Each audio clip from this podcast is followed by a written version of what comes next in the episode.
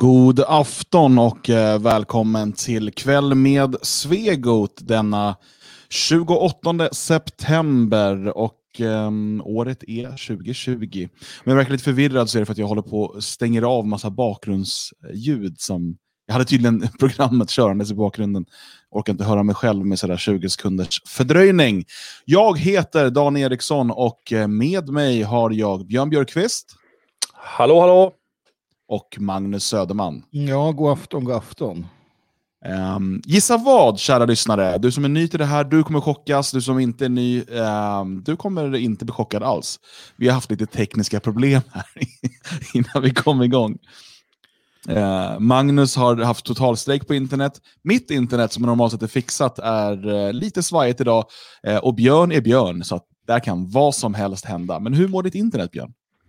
Eh, än så länge verkar det funka jättebra, men det brukar å andra sidan göra medan vi sitter och inte pratar om några viktiga saker innan sändning. Sen brukar det börja spöka lite grann, så vi får se. Vi får se. Jag eh, ska nog komma på någon lösning att eh, vara med till och från.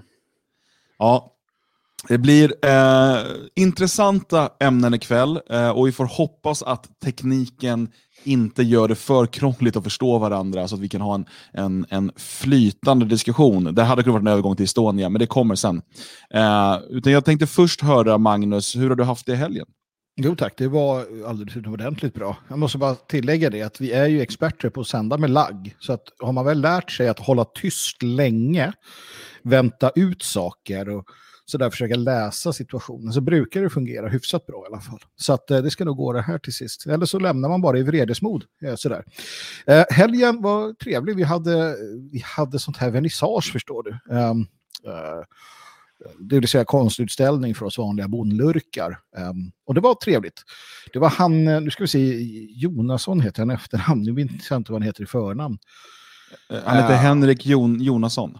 Just det, Henrik Jonasson var här ja, och ställde ut eh, och berättade om sin konst och sådär. Här är då i Svenskarnas hus. Så det är kul att se att vi klarar av att, att genomföra alla möjliga former av aktiviteter. Tyvärr var det ju ingen budkavle, va? men eh, den kommer nu på lördag istället. Just det. Eh, och för dig som vill komma på en större aktivitet i Svenskarnas hus eh, så är ju den 31 oktober nästa stora evenemang till eh, förfädernas minne. Ehm, eh, och det är ju då allhelgonahelgen och det kommer bli en, en väldigt speciell tillställning, eh, annorlunda mot vad man har upplevt i Svenskarnas hus tidigare, men inte utan den här sedvanliga gemenskapen och, och kamratandan som alltid finns på vid evenemangen. Men det kommer vara en, en, en annorlunda stämning, det kommer vara stämningsfull musik från eh, urskogen som ni säkert har hört. Um, och um, Jag ska inte avslöja för mycket, men gå in på friasvenskar.se om du är medlem i Föreningen Fria Sverige, annars blir det, eh, och boka dina platser. Um, så jag kommer vara där, Magnus kommer vara där. Vi ska försöka få dit Björn. Han är lite rädd för mörkret, så vi får se om han vågar. Men uh, det kommer bli uh, en riktigt uh, intressant och stämningsfull kväll. Björn, hur har din helg varit? jo, den har väl varit bra. Um, tidigare i veckan fick jag upp en film. Jag får det så pass sällan nu för tiden så att jag måste ju berätta det så att jag får lite mer tittare. Eh, det kom upp en ny film. Precis nu så glömde jag bort vad den handlar om. Eh, strunt samma, strunt samma. Jag sitter här med en eh, liten pilsner, Hell pilsner, genom malt till seger. Som jag inhandlade på en tillställning nyligen och jag tänkte öppna den. Sådär ja. Och eh, slå upp i mitt glas. Häll pilsner. För nu är det så här att jag tillhör den tappra skara som har fått en HMF-medalj. Och det eh, tänkte jag fira här nu. Och eh, ja, jag, jag bryr mig inte så mycket om vad vi pysslar med i det här programmet. För att nu ska jag avnjuta en pilsner och hylla mig själv helt enkelt. Det här avsnittet är ett hyllningsprogram till eh, Björn Björkqvist. Tack ska ni ha. Det var fan ta mig på tiden eh, att du fick det. För att sanningen är ju den att jag menar, först är det Lex Åberg, alltså eh, Einar Åberg, sen är det Björn Björkqvist när det kommer till det här. Så som du har legat i under åren för att dömas till eh, höga bötesbelopp, eh, nästan tukthus, fängelse och liknande för HMF, Björn. Ja, jag är äntligen, säger jag, som, som fylking vid eh, Nobel. Äntligen Björn. Ja, det, det är välförtjänt, men om vi bara ska då, för ordningens skull Björn, det är väldigt, väldigt länge sedan eh, du ens åtalades va, för, för HMF. Eh, det är så länge sedan så jag tror vi har lyssnare som inte ens var födda då. Eh, så det är kul om farbror vill berätta om vad han gjorde i sin ungdom. Va, va, va, va, hur har det här kommit sig? Hur många gånger har du egentligen åtalats och eller dömts för detta, denna gummiparagraf? Jag vet inte. Med åldern så glömmer man ju bort sånt. Första gången så var jag 16 år eh, när jag greps med symboler som hade varit lagliga fram tills dess. Um, men de blev olagliga eh, typ den dagen och så blev jag gripen. Och sen så togs det upp i Högsta domstolen. Det var en odalruna och något Livets träd och eh, sådana hemska symboler. Något solkors och man såg ut som en jävla julgran sprang runt med. Nu för tiden ska jag bara ha den här på mig jämt.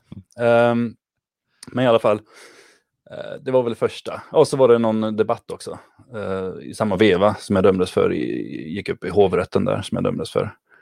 Och sen har det liksom rullat på. Det har kommit ut tidningar som jag har trott att vi hade ansvarig utgivare för. Som, nej, det hade vi inte, utan det var det jag som dömdes för det. Och så släppte vi någon skrift som det var en annan kille som gav ut och jag skulle skriva förord. Och då visade det sig att då var jag ansvarig för mitt förord. Så den andra killen dömdes för hela boken, inklusive omslag, utom fyra sidor i början som jag dömdes för. Då. Fick sex månaders fängelse. Och lite sådana fram och tillbaka. Jag tror, jag för mig att jag har suttit, eller tjänat av 14 månaders fängelse totalt för, för um, hets mot folkgrupp. Men som sagt, det är länge sedan. Jag tror att sista gärningen min, sista, min senaste. Senaste, bra. Vik, min, viktig poängtering. min senaste insats tror jag gjordes uh, uh, 2002 och den dömdes jag för 2006. Så det, det, är några år sedan. Så bra jobbat HMF-medaljen som har suttit och letat och rotat och uh, funnit. Mm. Um, då har de börjat komma tillbaka i tiden ordentligt. Jag fick ju min medalj här i somras, eller förra sommaren. Nu i somras någon gång var det. Uh, och jag var ju åtalad förra året, så att, eller var det i år till och med? Jag minns inte längre. Uh, så de har jobbat sig bakåt nu. Det, det, är ingen som vet, Magnus, när det var. Jag, någon gång var det. Ja. Eh, men stort grattis Björn, och du har verkligen, verkligen förtjänat den. Eh, det måste man, måste man säga. Och det är väl en uppmaning då till eh, den eller de som ligger bakom HMF-medaljen att det kanske är dags att börja med graderingar också. Eh, Björn bör ju vara så här, han börjar se ut som en sån här serbisk general snart. Eh. Även streck på axelklaffarna. Ja. Hade ju varit coolt. HMF-uniformer, det vore något. Som man döms hela tiden bara för att ha den på sig. ja, det är fint. Eh, men eh, okej, okay. du sa ingenting om vad du gjort i helgen va? Du bara började dricka öl och skrika om dina medaljer. ja, men jag har väl varit ute i skogen och sånt. Ja, vad trevligt. Härligt. Ehm, jag vill påminna också dig som eh, tittar eller lyssnar på detta om att följa Det Fria Sverige eh, på Telegram.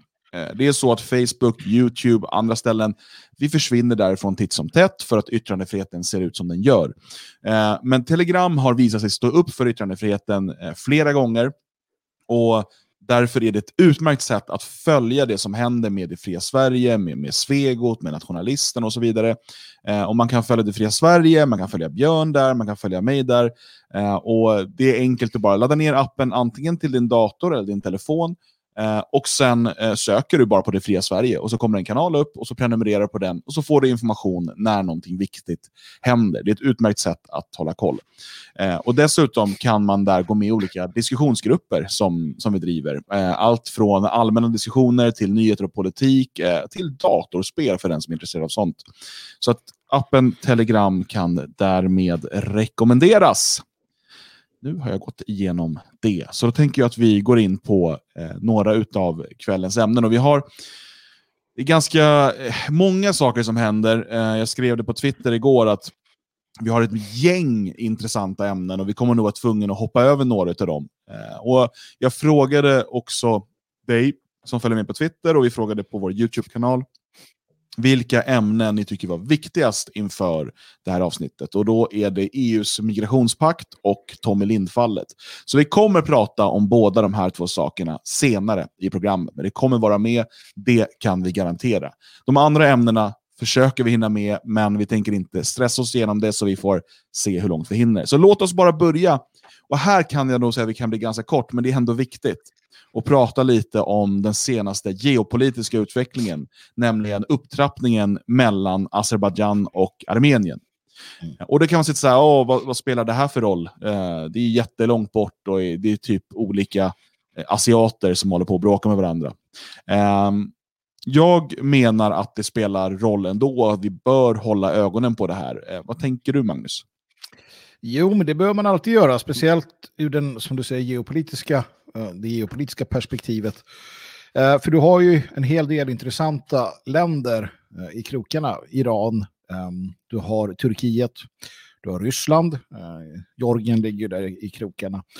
Och så, det vi ser är ju Eh, och här beror det ju på hur mycket man värdesätter de två eh, aspekterna. Men det du ser är ju att du har ett, ett muslimskt land eh, mot ett kristet land i allt väsentligt. Och ehm, ja, det, det, det, är en region att hålla ögonen på naturligtvis. Speciellt när det blir vapenskrammel och, och det som vi ser nu. För vi vet ju att um, det finns krafter som vill flytta fram sina positioner. Turkiet, uh, som jag nämnde bland annat. Då och, och stärka upp sig själva. Och av det skälet helt enkelt. Och, och Ryssland naturligtvis. Um, kan ju finnas krafter som vill dra in Ryssland i ett proxykrig också. Eftersom att man är sur över att han inte har uh, blivit vräkt från tronen än den gode Putin. Uh, så naturligtvis uh, är det så. för att det, det, spelar roll. Och det är inte så himla långt bort heller. Va? Mm. Faktiskt. Nej, och vi har eh, minst sagt alltså, så ska man säga, kulturella och civilisatoriska kopplingar till armenierna. Eh, dels kristet land, dels ett indoeuropeiskt folk. Eh, alltså det, det, är ju så, det är inte så att jag skulle kalla dem för ett brödrafolk, men, men det är ju helt klart så att eh, de, de står oss betydligt närmare än till exempel azererna. Då. Mm. Um, och det som jag tycker framförallt är, är att hålla ögonen på här, det är att det här är, det här är en del av ett proxykrig. Ehm, där har du att Azerbajdzjan får stöd av Turkiet. Erdogan har uttalat att de kommer ge allt stöd de kan till sina muslimska bröder i Azerbajdzjan. Israel har sedan länge en lång, god relation med eh, Mohammedanerna i Azerbajdzjan. Inte minst sedan Azerbajdzjan fann olja. Då var Israel jättegoda vänner med dem. eh, och eh, har också eh, på olika sätt uttalat sitt stöd. Inte lika starkt i det här fallet som Turkiet, men absolut att man, man, man, man är allierade med, med Azerbajdzjan. Mm. Det är en viktig allierad. Samtidigt som eh, Armenien då får eh, stöd eh, till viss del från Hezbollah och till viss del från Ryssland.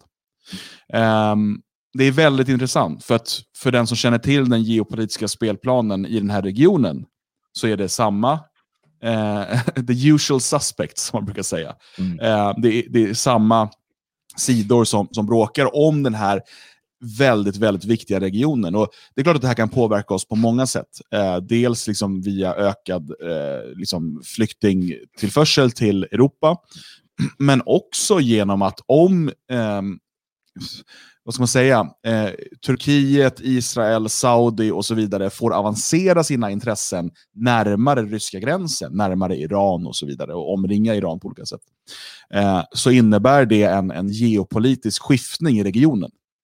Eh, som, som kommer påverka oss. Eh, jag menar, det, det, finns, det finns hundra eh, och åter hundra anledningar till att olika grupper engagerar sig i den här regionen. Allt ifrån gasledningarna eh, till religiösa, till eh, olja. Liksom, och som Donald Trump var tydlig med att säga här för inte så länge sedan, att den enda anledningen att USA är i Mellanöstern är Israel. Det finns inga andra anledningar. Han är väldigt tydlig med det. Han säger det rakt ut. Det är så mm. bra med honom att han inte tänker på innan han pratar ibland. um, och uh, Det här kan komma att påverka oss på olika, olika sätt. Det det handlar om är ju en, en region där det bor kristna eh, armenier, men som sedan ett tag tillbaka har tillhört Azerbajdzjan, som har försökt flytta in muslimer där hela tiden och fördriva de kristna. Eh, Armenien sätter nu ner foten. Det här är alltså ett, ett territorium som båda gör anspråk på, men officiellt tillhör det Azerbajdzjan. Eh, men det är en, en armensk majoritetsbefolkning. Eh, och eh, nu sätter Armenien ner foten eh, till här försöken till folkfördrivning och faktiskt folkmord på, på kristna. Eh, och Israel kommer då till stöd för, ja, det hänger med. Det, det är eh, en intressant, jag tycker folk ska hålla ögonen öppna och försöka följa eh, alternativ eh, media om, som är duktiga på det här med geopolitik. För att eh, är man intresserad av eh, utvecklingen, mycket som sker där nere påverkar oss eh, åtminstone indirekt. Så att, håll ögonen öppna. Jag skulle väl tipsa där, jag tror väl att eh, det bästa kanske du hittar på eh, Europa Terra Nostras sida, lär väl skriva om det här misstänker mm. uh, jag. jag får för mig, känslan är att svensk alternativmedia kanske inte är så där vansinnigt intresserad. Um, liksom, över tid och i det långa loppet. Men jag vet att våra europeiska vänner har jäkligt bra koll på det här, så det lär väl komma upp en del där misstänker jag, om inte annat. För mig har det varit, um, det, är inte, det är inte en mörk fläck på kartan så sett. Man vet ju ungefär. Men naturligtvis så, så, ligger det liksom, i alla fall för mig, i fel håll när det kommer till eh, hur jag intresserar mig för politik och händelser. Mm.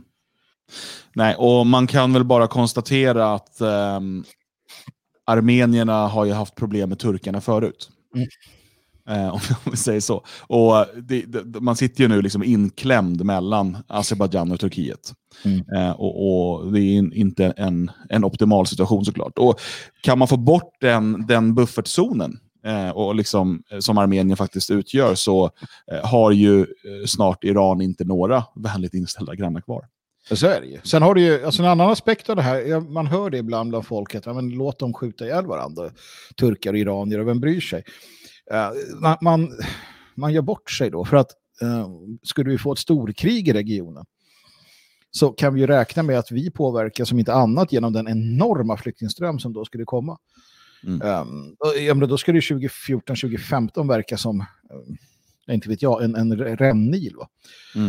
Uh, och det finns ju krafter som vill det också naturligtvis, speciellt för att uh, skulle till exempel Turkiet och Iran hamna i luven på den på riktigt via omvägar så skulle ju Israel då kunna eh, ja, ta det de vill ha helt enkelt. Och sådär. Det, är ju den, det är ju doktrinen som vi har sett från, från eh, USA tidigare, inte under Trump, men tidigare med Bolton och de här, att, att hela tiden arbeta på det sättet. Så att nog finns det krafter som fortfarande är verksamma där som vill ha det så. Så är det. Mm. Och jag vill bara återtrycka på det här, för jag vill att man ska eh, väcka en del tankar hos människor. Varför stödjer Turkiet och Israel och Saudi samma spelare så ofta? Och varför är de spelarna väldigt sällan kristna? Och varför är de spelarna väldigt ofta också islamister? jag, jag, vill inte skriva er för mycket på näsan här, men fundera, fundera kring detta. För att det motsäger såklart mycket av, jag skrev om det idag kort, eh, den här falska dikotomin som finns om att eh, det skulle finnas någon konflikt mellan liksom, Israel och muhammedaner. Mm. Eh, men, men alla som kan studera lite historia. Eh, jag ger alltid två exempel som är bra att studera. Det ena är eh, Ottomanska rikets ockupation av Europa och hur, vad judarna hade för position då och hur de kunde verka och leva. Och Det andra är den mohammedanska ockupationen av den Iberiska halvön, alltså det som nu är Spanien efter rekonkistan. Och det här som då av judarna själva och i stort sett alltså det etablerade begreppet är att det är den judiska kulturens guldålder i regionen. Eh, för var det några som, som fungerade bra i det här islamiska kalifatet så var det judar. Mm. Eh, ja, det finns, ja, man har ju lyckats bygga upp en väldigt bra myt, mycket tack vare liksom, de faktiskt egentligen bara territoriella konflikterna som handlar om Gazaremsan. Mm. Om att det skulle stå på något sätt mellan judar och muslimer, att det är det som är det avgörande. Men historiskt sett så har judar och muslimer kunnat arbeta väldigt bra tillsammans, speciellt i deras gemensamma hat mot kristna. Mm. Nej men så är det, absolut. Uh, jag vill bara säga det, jag lyfter en sak från chatten som går här samtidigt. Man frågar eh, om vår syn på um, möjligheten då eller risken beroende på hur man ser det, uh, på ett världskrig från den här situationen. Och den typen av frågor kommer ju ofta, vi har ju haft dem under åren när vi har sänt både eh, i Radio Framåt och sen Motgifter nu i det här formatet. Eh, så har det hänt saker i världen. Och frågan har alltid, många har alltid gått till det, men är det här det som blir liksom eh, startskottet? Är det nu det blir ett världskrig igen? Jag skulle våga säga, och det här är lite, med, lite efter att ha läst artiklar som kommer i nästa nummer av Nationalisten, nummer åtta, där katastrofernas konvergens är temat. Ehm, där faktiskt sannolikheten för ett världskrig som en, en megakris är ganska små. Eh, menar då våra, eh, några av våra skribenter. Och jag har själv börjat känna det mer och mer att det kan hända en massa saker, men den här, eh, det här världskriget som många ehm, ser framför sig, inte så konstigt med tanke på att vi har ett och två i bak, bakgrunden. Att, att möjligheterna till det, eller gränserna för det, eller trösklarna till det är, är så pass stora idag att, att um, det, alltså, det behövs inget. Vi har coronapandemin. Eh, mm. vi har en massa andra saker som har gjort samma sak, till och med bättre än vad världskrigen gjorde. Utifrån ett perspektiv att man vill uppnå någonting. För det finns ju alltid någon som vill skära guld uh, när det blir oroligheter. Sen får ni säga vad ni tycker. Det är ju också en definitionsfråga. Okay, om det ska, då ska det vara krig på typ samtliga kontinenter samtidigt och så vidare. Men, men eh, krigföring ser ju annorlunda ut idag än vad det mm. gjorde 1939 och vad det gjorde 1917. Um, ehm, det är ju eh, det är så, och därför man, man, skulle kunna dra det så långt och hävda att vi är uppe i ett världskrig. Vi är liksom uppe i ett krig mellan, mellan världens olika civilisationer på olika sätt. Och eh, fiendetrupp i miljontals har intagit Europa. Eh, det går liksom att, att, spela åt det hållet om man vill. Samtidigt, eh, så när folk tänker världskrig, då tänker de klassiska skyttegravar, stridsvagnar, eh, artillerield och så vidare. Eh, men eh, eh, det ser annorlunda ut idag. Och det finns en helt annan typ av krigföring. Och vi kommer prata lite om den alldeles, alldeles strax faktiskt när det gäller Kina, coronavirus och så vidare. Det ser annorlunda ut. så att jag, jag, ser inte att vi kommer få uppleva den typen av eh, veritabla köttkvarnar som man såg under första och andra världskriget. Mm. Eh, och den typen av fronter och den typen av slag. Eh, eftersom att eh, sättet vi för krig på idag har, har förändrats. Eh, mm. och, och sen är det bara en definitionsfråga. Är vi ett världskrig eller inte? Vi har eh, de olika klassiska stora spelarna som alla är aktiva i proxykrig i, i Mellanöstern till exempel. Eh, men eh, det är inte så att vi har en, en östfront och liksom, att det är krig nere i Japan och sådär. Men, men det ser, det ser annorlunda ut och det kommer inte se likadant ut som det såg ut tidigare. Nej, sen, sen måste man ju säga, hävdar jag i alla fall, att Trumps fyra år har gjort det, om du tittar objektivt på det och ovanifrån, har det gjort allting mer eh, säkert och tryggt. I alla fall de fyra åren och det är ju jätteskönt. Eh, inga nya krig. Den första amerikanska presidenten på, jag vet inte hur länge, Eh, som inte har startat ett nytt krig. Nu är det några månad, någon månad, eh, inte ens en månad kvar, då, men eh, och, och lyckats eh, dra tillbaka trupper, amerikansk närvaro och så vidare. Det menar jag i alla fall i ett initialt skede har gjort världen lite tryggare eh, när det kommer till den typen av krig och liknande. Sen kan ju det öppna upp naturligtvis eh, när den stora killen på eh, skolgården eh, byter klass eller flyttar därifrån så blir det ju ett vakuum. Och, och, det kommer vi få se en massa stök kring också om de här eh, reträtterna fortsätter från amerikansk sida återstår att se hur det slutar i valet och, och, vad som händer där. Men alldeles oavsett så kommer det ta lång tid innan USA kan äh, återvända, återkomma till sin tidigare plats, alltså den innan Trump.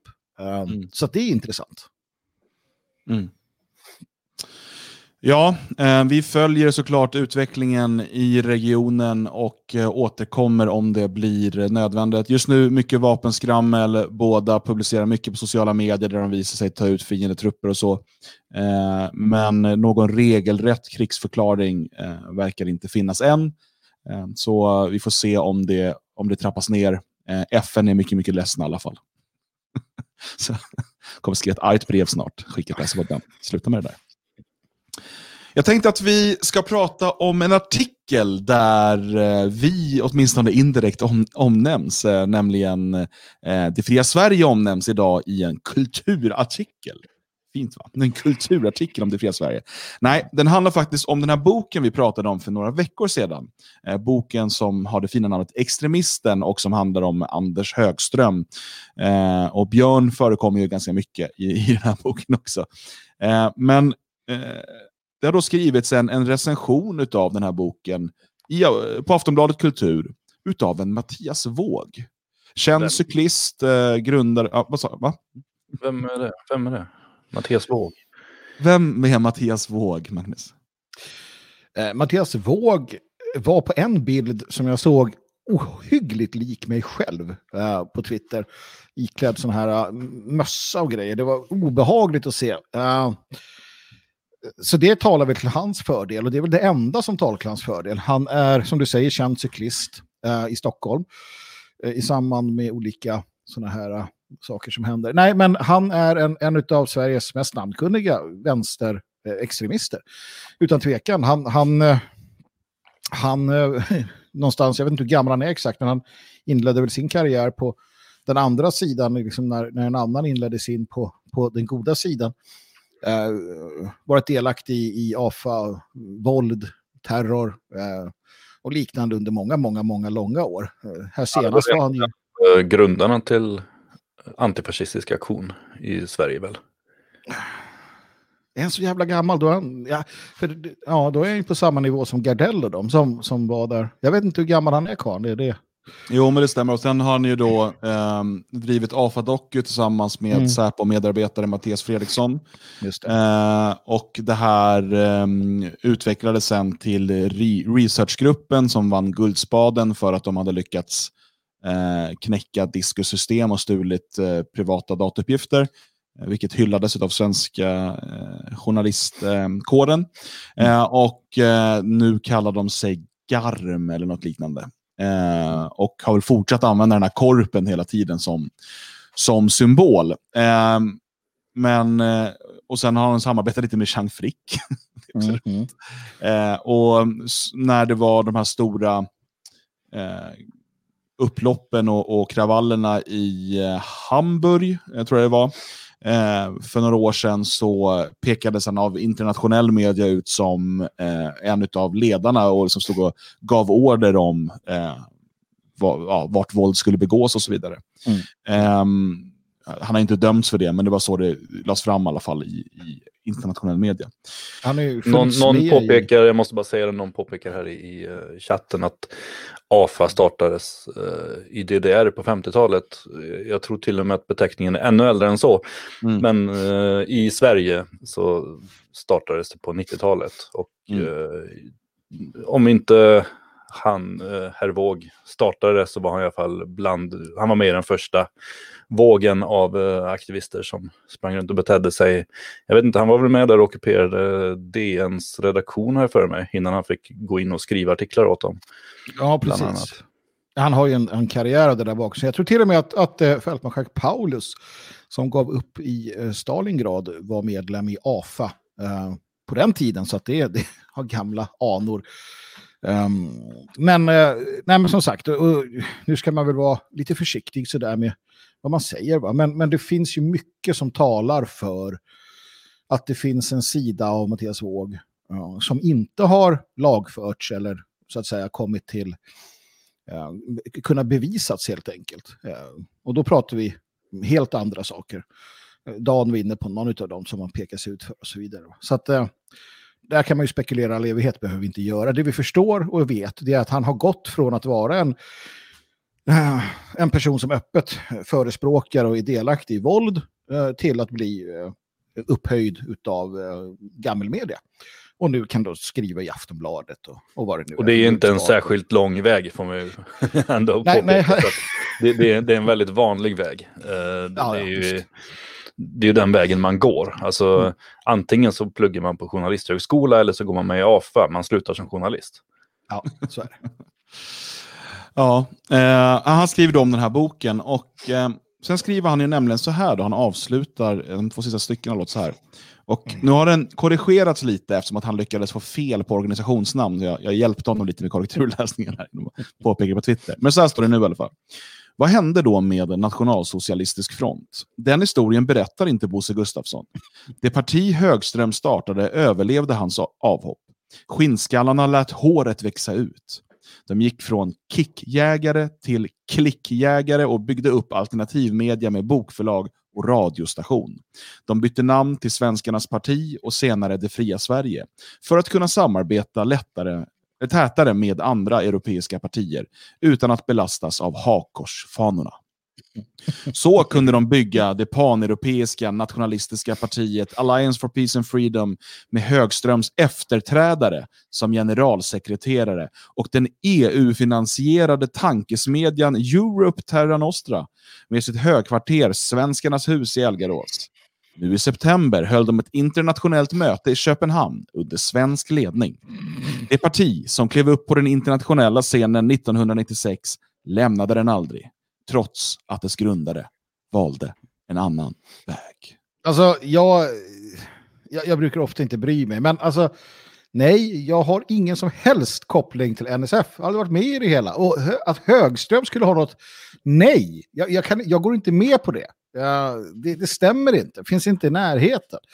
Så jävla dumt. Och, och det var det enda sättet för honom att få till någon form av sån där, kan jag tänka mig, ska försöka få det aktuellt. Jag menar, den som är efterträdare till den som efterträdare till den. Det, det är så jävla dumt. Dan var inte heller, det finns ju ingen som var med i NSF. Här.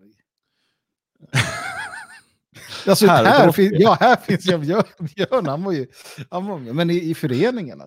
Inte för att det spelar någon roll, för det är så jävla dumt. Va? Alltså nej, nej, det spelar ingen roll, men jag tycker att rätt ska vara rätt. Det är liksom det. Men lite grann så. Lite grann och så. Eh, att kalla det ett namnbyte från ja, nej, NSF till det fria Sverige, eh, eller från Svenskarnas parti till det fria mm. Sverige, är liksom helt fel. Mm. Man bara, det är bara att titta på den, den första styrelsen som bildade föreningen. Eh, ingen hade varit medlem i NSF. Två av fem, var vi fem mm. i styrelsen tror jag, eh, hade varit medlemmar i SVP, alltså jag och mm. Magnus. Mm. Eh, det är liksom inte sant och det har gått flera år däremellan och det är en helt annan, det, alltså allt är annorlunda. Eh, och eh, han, men, de, han pekar ju då på Jakobsson då som Högströms efterträdare. Stefan Jakobsson.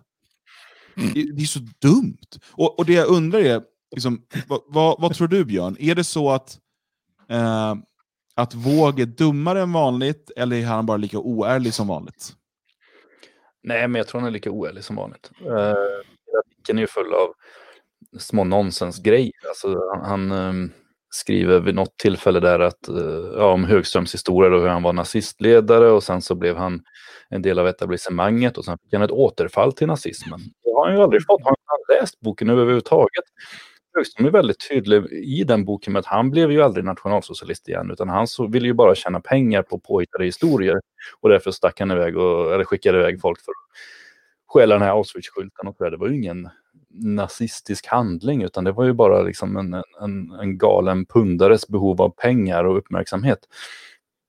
Uh, och det, det, är många sådana små formuleringar konstant och sen är han ju väldigt, väldigt arg på att etablissemanget gärna klumpar ihop nationalsocialister med vänsterextremister och muslimer eller islamister nu och, och talar om extremister. Det, det ägnar han ju större delen av artikeln åt. Det är inte mycket till recension utan det är ju snarare dels hans eh, uppfattning om att vi måste återigen bara prata om eh, nationalister, det är de vi ska angripa, det är de som är fel. Islamister och vänsterextremister inga problem. Och sen så för att aktualisera så vill han ju då kasta lite skit här och var också. Och det enda han kan koppla till idag det är ju, det är ju då att NSF, ett, vad är det, 8-10 år sedan efter Högström hoppade av, eh, lades ner och eh, av, av de ledande personerna som var ner det startade ett nytt parti som så småningom kom att heta Svenskarnas parti. Där var ni två medlemmar.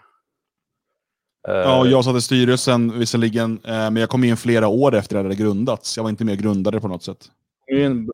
Ett tag senare och, och det var ju ändå liksom, ni var inte med i själva uppstartandet. Och sen la partiet ner och då höll ju ni på med annan verksamhet. Då var inte ni längre i, i, i någon um, styrelse eller liknande. Inga befattningar i partiet. Utan ni bedrev uh, andra medieprojekt. Och sen flera år efter det så startas det Fria Sverige av er och flera andra som aldrig någonsin har varit med i vare sig NSF eller Svenskarnas parti. Det är en väldigt lång koppling alltså man måste gå på där. Men, men, men vad ska han annars ta? han, han, han, alltså det man kan göra, det man kan säga och vara ärlig, är att det vi gör eh, gör vi på axlarna av väldigt många svenska nationalisters mer eller mindre namnkunniga idéer, tankar, förhoppningar från eh, slutet på 1800-talet eller eh, tidigare än så fram till nu. För att vi mm. inspireras av människor.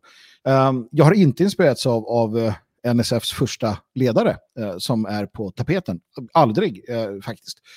Um, andra personer har inspirerats av, absolut, eller uh, lärt mig saker utav. Uh, men, men han gör ju det för att kunna, det finns ju flera skäl till det naturligtvis. Dels så, så vill man uh, få eh, det fria Sverige i blickfånget. Man vill ha en liten, försöka få en liten offensiv mot föreningen. Man gillar inte föreningen. Och, och vad är aktuellt nu? Ja, förutom att vi lyckades i Karlstad och att vi gör det vi gör, som för honom inte är särskilt upphetsande. Och för de flesta vanliga människor så här, ja men det är en förening som, som jobbar med det de gör. Um, så kan han bara koppla samman det till den här boken och då gör han det. Ehm, men jag blir också personligt besviken på dig, eh, Mattias Våg. Eh, du kan bättre. Och jag säger det med all, all respekt, mycket av det du har skrivit eh, på senare tid när du har analyserat rörelsen och så har varit, har varit ganska bra. Det har varit ganska korrekt faktiskt. Du har, du har liksom en känsla för det naturligtvis. Det är väl mycket för att det träsk du tillhör till del ser ut som det träsk vi har tillhört.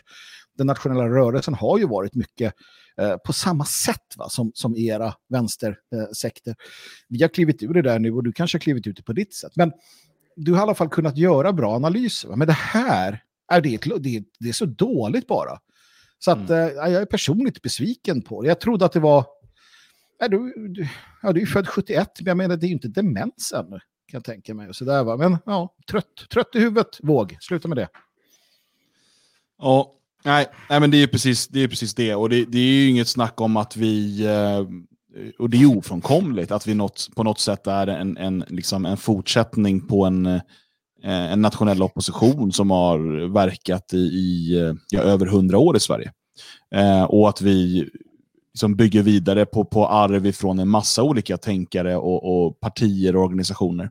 Eh, men då skulle man ju lika gärna kunna kalla det, alltså, och det är hela saken bara det att han kallar det för, för det han hade kunnat skriva är såklart, och, vad, ja, och vissa gått vidare och engagerar sig nu i, ja, du vet, något mm. sånt där hade man kunnat skriva och det hade varit sant. Men just han kallar det för ett namnbyte och, och liksom börjar kalla Stefan Jakobsson för Högströms efterträdare. Och sådär. Nej, det är taffligt. Det, det, ja, det, det blir bara... väldigt långsökt. Men det hade varit mer rimligt i så fall att påpeka att eh, Simon Lindberg som är ledare för Nordiska motståndsrörelsen tidigare var medlem i NSF till exempel. Mm. Uh, ja, man skulle kunna plocka fram flera ganska framgångsrika företagare som också är gamla NSF-are. Man skulle kunna plocka fram människor som jobbar inom poliskåren. Man skulle kunna jobba, alltså, det finns mängder av människor. Det var ju, NSF var aldrig jättestora, men det fanns ändå ett hyfsat intellekt. Människor som nu för tiden, jag ser dem ibland i media och sådär, de, de dyker upp där, Våg, har du något att jobba med. Kom igen nu. Nu kan vi göra något bättre än att eh, sitta och mina diskus. Liksom. Um, en stor eh, diskussion här eh, idag eh, har ju varit eh, med tanke på dels att det är årsdagen av eh, förlisningen av Estonia, eh, men också att eh, nu har släppts information om en ny dokumentär, eller en ny dokumentär har kommit på Dplay eh, som, som handlar om Estonia och nya upptäckter, säger man. Även om jag känner att jag har hört de här upptäckterna tidigare, fast de har bara varit teorier då. Eh, och nu har man då lyckats eh, bekräfta eh, Eh, att man eh, på eh, skrovet har kunnat hitta ett stort hål. och det finns olika teorier om vad det här hålet, hur det har uppstått. Men väldigt namnkunniga mainstream-etablerade personer menar att det här bara kan ha eh, skett genom eh, ordentligt våld. Alltså, en, en ledande teori just nu är väl att det skulle ha att göra med någon ubåt. Ehm, och eh, det, det, är intressant för att nu Estland börjar bli riktigt förbannade på Sverige eh, och kräver att man börjar undersöka det här igen. Men, men låt oss bara backa bandet lite fort. För att det här är ju då 1994. Eh, och många eh, som tittar och lyssnar nu är födda efter det. Eh, och kanske inte liksom har hängt med så mycket i den här historien. Men låt oss bara säga så här att eh, när Estonia sjunker så dör den absoluta merparten av dem ombord. Jag tror runt 850 och runt 150 överlever. Um, och uh, båten sjunker väldigt, väldigt, väldigt fort. Uh, de som kommer först till platsen från andra skepp och sådär uh, är förvånade över att de inte kan se Estonia längre för att den sjunker på under en timme. Normalt sett ska det ta betydligt längre tid, om den, speciellt om den officiella förklaringen då med att bågvisiret lossnar och den tar in vatten eh, om det stämmer. Um, och det, det, fanns en massa frågetecken kring det här. Och um, Man beslutar då från svenska regeringen väldigt fort först att um, skeppet ska absolut inte bärgas. eh, och kort därefter att, så, så vill man då att hela skeppet ska, eh, hela fartyget ska alltså då eh, täckas med cement. Eh, man förbjuder undersökningar, man förbjuder folk att dyka i närheten. Eh, även eh, forskare, dokumentärfilmare och så vidare. Så att för väldigt många var det tydligt att någonting, någonting är konstigt här. Sen finns det tusen teorier om vad som är konstigt. Men, men förloppet går inte ihop med så hur det brukar se ut. Och man förbjuder undersökningar av det, man vill hälla cement över hela, man lyckas inte med det på något sätt, det blir inte möjligt. Eh, men, eh, och nu kommer då de här uppgifterna eh, som tidigare då bara har varit teorier, men nu har man då, kunnat, har man då bevisat att det finns ett hål i sidan eh, och eh, att det här kan bara genomföras med, med väldigt, väldigt, väldigt stor kraft. Eh, är det här någonting som har intresserat dig, Björn? Nej, inte mer än, än för gemene man tror jag. Självklart så blev man berörd när det hände. Eh, jag kommer ihåg, jag var i Stockholm då för att sända närradio. Ehm, så jag åkte båt så här, typ dagen efter och då var det lite så här olustig känsla att kliva på båten där och åka hem till Gotland. Eh, och sen deltog jag i någon eh, minnesmanifestation, det ordnas ju sådana i hela landet, fackeltåg och sådär. Eh, sen har jag väl inte... Jag har väl någonstans tänkt att visst, det är saker som inte stämmer just på grund av förloppet. Första dagarna så går alltså Carl Bildt som var statsminister och även eh, Göran Persson som var på väg att bli statsminister. Det hade varit ett val ganska kort innan så att växlingen hade inte skett. Eh, båda går ut och säger att eh, det, det, är klart vi ska göra vad vi kan för att få upp kropparna och vi ska försöka bärga skeppet och och sen tvärvänder det helt plötsligt och det, det ska man inte alls göra. Utan eh, någon, någon, form av information kommer och det, så, så, ska man inte alls göra längre utan man ska eh, utlysa gravfrid. Vilket förvisso är så man gjorde förr. Man, man gjorde så, man lät ju de döda dö på havet och så hedrade man dem. Men, men i och med att man först hade gått ut med löftena så blir det väldigt konstigt. Eh, sen går det år efter år efter år och man får inte prata om det, det diskuteras inte. Det, eh, Mona Salin av alla trovärdiga människor blev ansvarig för de här frågorna i regeringen. Hon har precis släppt en bok och varit runt och valsat runt i media precis överallt fram till igår. Mm jag tror hon kommer vara väldigt oanträffbar nu en vecka framåt innan hon vill prata om sin bok igen. Nu tror jag att hon kommer definitivt gömma sig för hon vill inte ha några frågor om det här. Hon vill inte diskutera det. Carl Bildt kommer inte ställa upp på några intervjuer. Göran Persson kommer inte ställa upp. Ingen av dem som ansvariga då. Ingvar Carlsson, nej Ingvar Carlsson var det kanske på den tiden. Ja, strunt samma. Ingen av de här ansvariga kommer ju på något sätt gå ut och prata om det. Eh, utan eh, för dem kommer det ju vara locket på oavsett och jag tror att det finns någonting de vet och de vill inte ha fram den sanningen. Mm. Um, Magnus, hur har, har, det här varit, uh, har du varit någon som har satt in i det här Estonia uh, i någon utsträckning? Ja, alltså, jag har ju, dels har jag åkt med Estonia flera gånger. Eh, när Efter den inte, Ja, precis. Nej, det var innan den hette Estonia. Jag åkte med landställe i skärgården så var det ofta vi tog turer till Finland och Åland. Eh, så att när den var Viking Lines färja så åkte jag många gånger med den. Eh, och eftersom jag gillar sjön och havet och är rospigg så naturligtvis så har det här varit intressant. Eh, I början bara som att det har hänt och det var ju fruktansvärt och så. Men sen ju mer man tittar på det desto knepigare blir det ju naturligtvis. Det här med bogvisiret och hela den biten. Och, sådär. så att, eh, som jag har nämnt så det är uppenbart att det är en hund begraven, eller några stycken.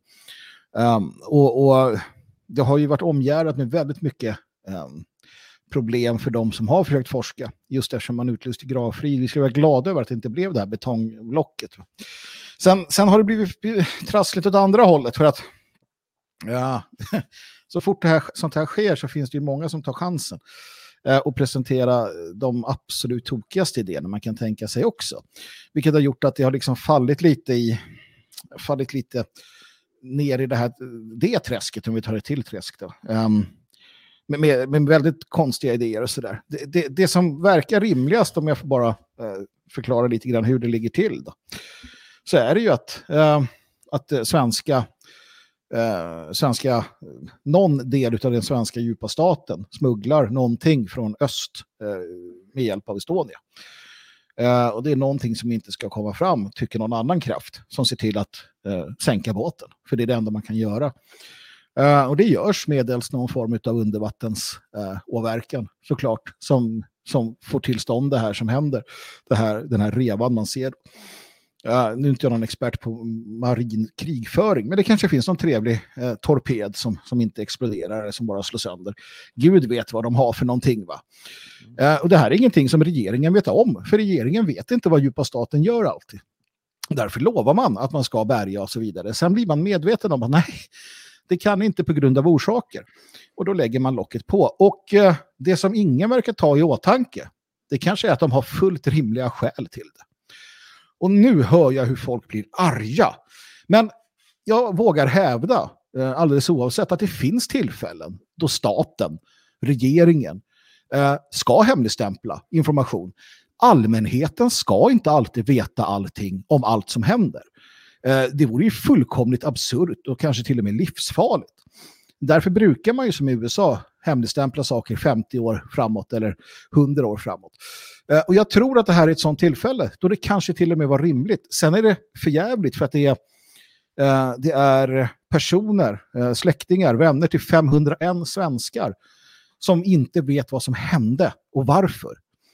Men det är sånt som kan hända. Eller ska vi ha en värld, och då kastar jag ut det till er då, ska vi ha ett samhälle där regeringen och staten i sådana fall alltid måste säga exakt, jo då, men vi smugglade eh, högteknologisk eh, militär från, från Ryssland så att nu, nu blir det visst krig här för att vi har visst gjort bort oss. Liksom. Det, det tycker Precis inte jag. Så. Precis så ska det vara, det tycker jag. Ja, jag, jag är eh. inte för det. ja, nej, men eh, jag menar, jag kan ju tänka lite grann att kunde man liksom inte ha skickat ner någon och hämtat grejerna och sen startat upp eh, hämtningen av, av kropparna. Men du måste exempel. fortfarande förklara då varför eh, eh, skeppet eller fartyget blev sänkt. Eh, mm. för även om du får bort det hemliga, det hemliga, och det har de säkert redan hämtat upp, om det fanns högteknologisk... Eh, för det har, det har ju varit en, eh, och det har ju, det har ju till och med bevisats, jag tror Uppdrag granskning gjorde någonting på 15 år sedan. Ja, det skedde smugglings... Ja, att man, att man smugglade eh, någon typ av högteknologiska vapen och så vidare. Um, och, så vi vet ju inte exakt vad som har hänt, men, men det har man ju absolut då redan gjort sig av med. Eh, det är också intressant, eh, som du säger där Magnus, man, man kan ju behöva hemligstämpla saker. Och, eh, de, de videofilmer som gjordes när man först undersökte vraket, de är ju hemligstämplade. Mm. Mm. Och jag menar, bara det säger mig att nej, den officiella historien eh, stämmer inte. Det, jag, kan inte säga, jag kan inte säga vad som är sanningen. Det finns människor som har massa eh, välgrundade och mindre välgrundade teorier. Mm. Jag vet inte.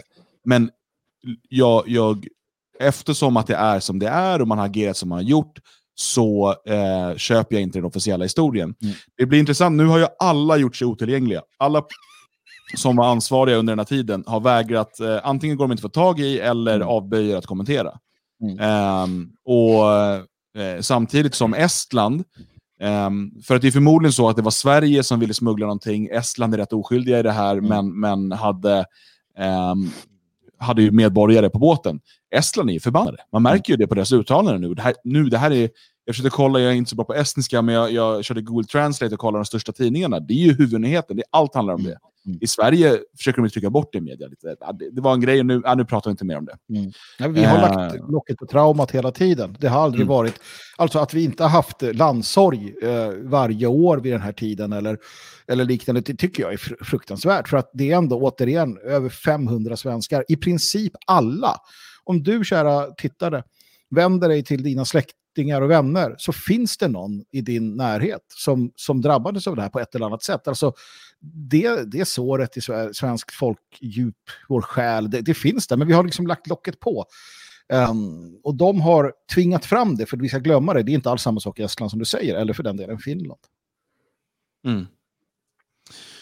Ja, nej, så det är intressant att det kommer fram. Jag har själv inte sett den här dokumentärserien, eh, men eh, eh det jag hoppas är att det här...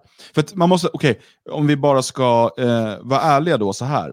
Eh, för du var inne på det Magnus, att eh, en stat kan behöva hem hemlighetshålla saker. Och så här. Du har helt rätt i det. Det finns massa saker vi inte får veta, och eh, så det bör vi inte heller få veta. Men i vårt intresse ligger ju att man drar ner byxorna på den här staten. Mm. Eh, och att det kommer fram att de faktiskt har ljugit mm. eh, människor rakt upp i ansiktet. Även om de har haft goda skäl. Eh, för att jag blir inte ledsen om politikerföraktet ökar, det kan jag säga. Nej, nej, men det måste vi förstå hela tiden. Att, för att annars så lever vi bara i en värld av så här, ja, men allt, sanningen ska alltid fram, alldeles oavsett. Nej, det ska den inte. Uh, det är bara sådana här klassiska uh, tankemodeller. Om, om, om vi träffas av en meteor om ett år, ska, vär ska världen få veta att vi går under om ett år?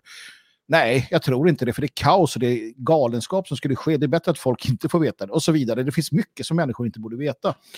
Uh, men som du säger, i det här perspektivet, utifrån vårt perspektiv just nu, så, så självklart så ska vi göra allt vi kan för att hjälpa till att gunga båten. No pun intended. Björn, har du något mer du vill tillägga om Estonia eller ska vi prata den stora kineskonspirationen? Uh, nej, det har jag väl inte direkt. Jag ser att någon uh, tyko var det nämner uh, Stefan Torssells bok Eh, Eh, jag har inte läst den, men jag var på en föreläsning med honom. Jag tycker han känns balanserad i frågan. Han tar inte ställning för några enskilda konspirationsteorier, utan beskriver ganska mycket istället hur staten agerade, vilket eh, jag tycker är det mest intressanta i sammanhanget, för exakt hur det gick till kommer vi aldrig få veta. Men hur, hur eh, de som styr oss har agerat, det vet vi och det har eh, Torshäll tagit upp. Mm. Vilket är mm. värt att titta närmare på. Mm. Uh, precis. Ja, vi ska prata om den här uh, stora Kina-konspirationen. Och uh, vad innebär den? Jo, den innebär att det nu börjar komma allt mer data som backar upp en av teorierna som jag och Magnus diskuterade Eh, och då kanske till och med presenterade, för det var ingen mainstream-teori på något sätt, eh, angående eh, coronaviruset. Eh, det här pratade vi om i april kanske, mm. Eh, när vi hade en podcast som heter Stabsläge i, i början av utbrottet, kanske till och med mars. Eh, och Det har att göra med huruvida liksom hela, att, att det är kinesisk propaganda som har uppmuntrat eh, de ekonomierna i väst till, till lockdowns och så vidare för att helt enkelt eh, krascha, alltså en typ av krigföring. En typ av ekonomisk eh, krigföring för att krascha ekonomierna i väst eh, och förstöra samhällena och på så sätt flytta fram sina positioner. Eh, och Det här var någonting som vi diskuterade även då. Det som är intressant nu det är att man har ju då genom att kunna gå igenom hur, eh, vad som hände på Twitter i februari, mars och april här. Eh, har man kunnat se väldigt tydliga mönster. Eh, där eh, diverse bottar och annat, alltså eh, datorgenererade användare, ehm, i hundratusentals mm. satte tryck på eh, diverse regeringar, inklusive den italienska, eh, och eh, drev igång en opinion om att vi måste stänga ner landet, vi måste införa lockdown. Och Det här kommer då i spåren utav ehm, Kina kablar ut de här bilderna från Wuhan. Vi minns alla de här bilderna. Det här var ju det som gjorde många eh, utav oss oroliga och rädda till en början. Eh, dels eh, hur människor bara föll ihop på gatan. Eh, det pratades om, om 10, 15, 20 procent eh, dödssiffror. Alltså om man, att smittas av det här var mer eller mindre en dödsdom. Eh, det var det som Kina kablade ut, tillsammans med liksom overifierade rykten att oj, 12 miljoner eh, telefonabonnemang har kopplats bort från nätet och Kina mm. försöker mörka någonting. Jag vet inte om ni minns eh, de här filmerna från höghusen som bara visade, det bara skreks överallt, det var panik och folk bara dog. Eh, det låg fullt med lik på hela gatorna. Eh, och Det spreds hur mycket sånt här som helst. Eh, och Kina, eh, via också sen via eh, Världshälsoorganisationen, eh, förklarade att det enda sättet att stoppa det här viruset, det är genom fullständig lockdown. Stäng ner allt. Man eh, kablade ut bilder på hur man svetsade igen folks dörrar. För att det här är enda sättet. Idag eh, har ju Wuhan eh, stora festivaler och folk umgås precis som man har gjort allt innan. Det är inga ansiktsmasker, ingenting. Um, och eh, livet är liksom tipptopp. Eh, medan Europa fortfarande, och, och USA, eh, fortfarande, åh nej, nu är det några smittade här, nu måste vi stänga ner hela ekonomin och så vidare. För det är sättet vi kan lösa det här på. Och, eh, Kina skickade eh, experter till Italien, eh, som är det land man har starkast relationer med i Europa, som förklarade, och det var när Italien hade genomfört sin, sina första eh, lockdown-aktioner, eh, eh, och eh, förklarade då att det här måste göras ännu hårdare. Det måste gå ännu hårdare fram. de måste stänga ner allt. Fabriker. Folk, för till en början så var det så att folk fick gå till jobbet. Nej, stäng ner alla fabriker. Stäng ner all affärsverksamhet.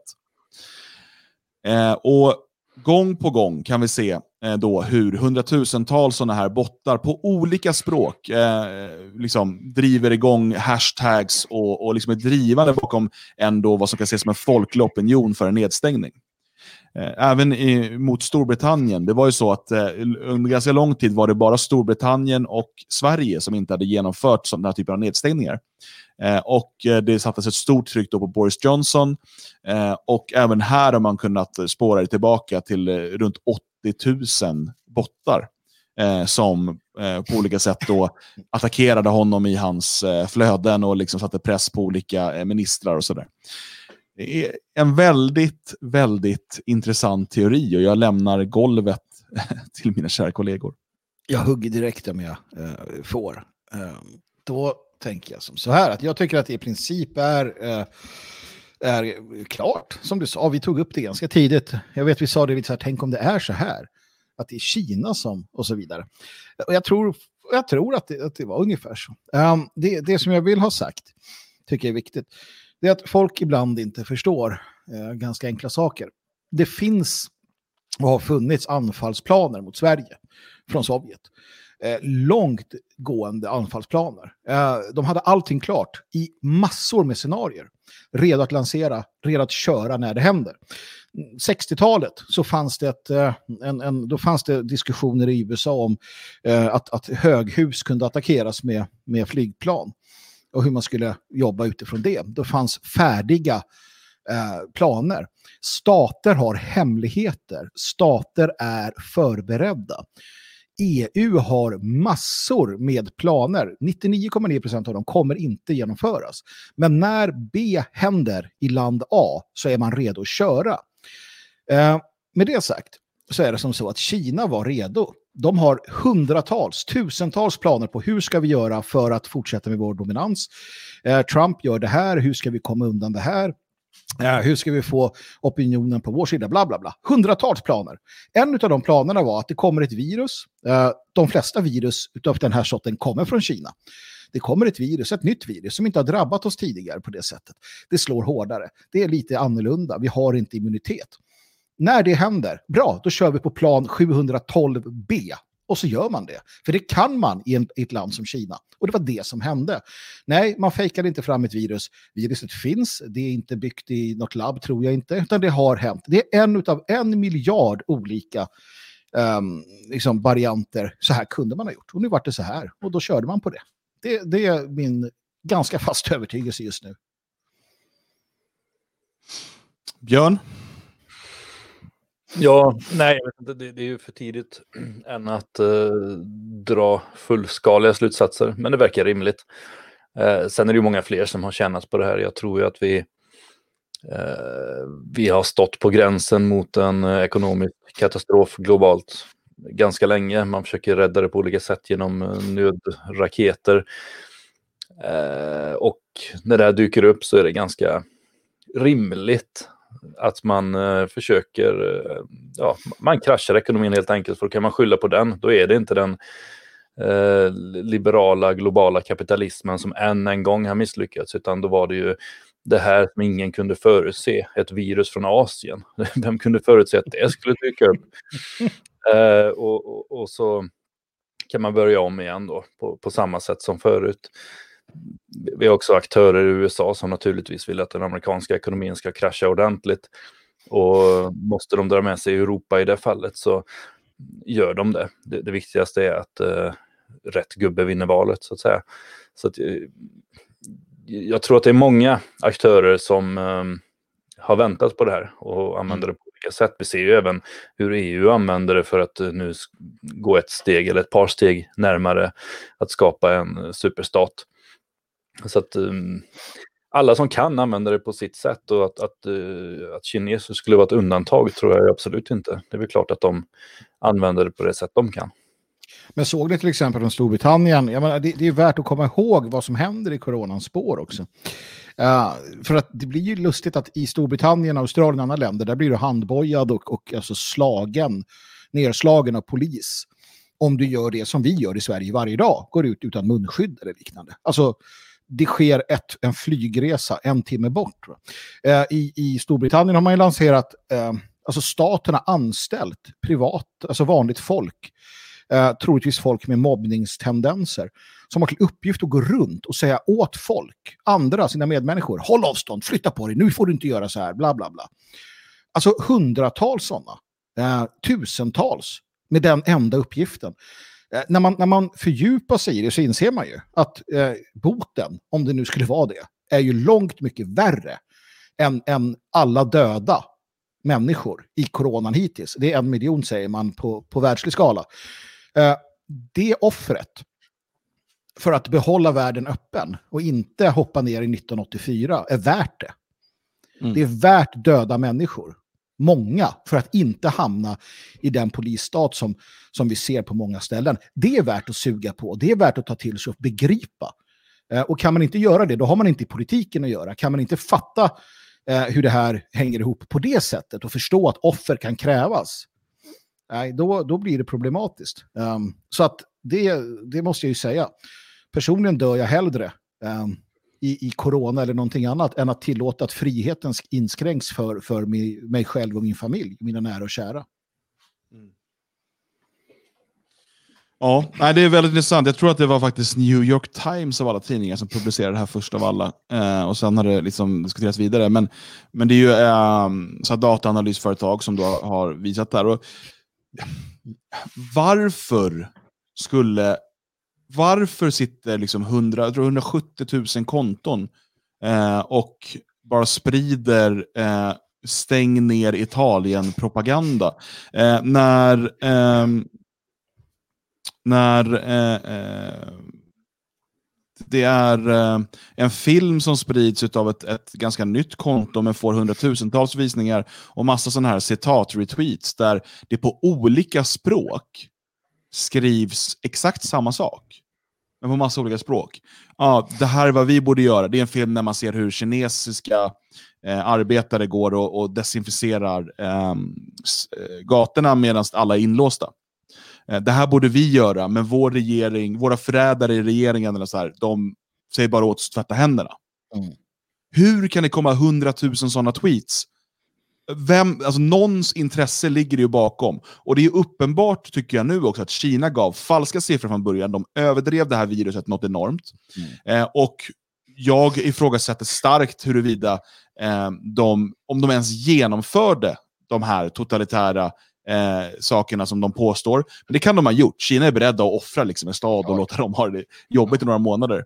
Eh, men huruvida det var nödvändigt däremot. Men däremot så var det mycket, mycket viktigt för Kina sen att åka runt och, och, och instruera alla om att det är så här det ska göras. Mm. Nej, men det, man brukar ju säga follow the money och, och de har ju stärkt sin, sin position uh, utan tvekan. Mm. Uh, man, man man var ju inbegripen. Alltså, om vi tittar på hur det såg ut innan. För det behöver inte vara, jag ser att man direkt hoppar på jättestora världskonspirationer. Faktum är att Kina låg i ett handelskrig med USA. Uh, gick inte särskilt bra för dem. Um, allt sånt, jag ska inte säga att det liksom försvann, men vi kan konstatera att uh, i Wuhan så är det öppet för business. I USA inte så mycket. Och här måste man också förstå, man måste förstå diktaturens logik. Ja, man är, man är beredd att offra hundratals, tusentals, en miljon människor, partiet med stort P i, i uh, Kina är det. Och den som inte tror det, Tjernobyl. Alltså man måste förstå att de här personerna, de är beredda att offra en miljon av sitt eget folk för socialismen, för partiet, för vad det nu är. Det är så de fungerar.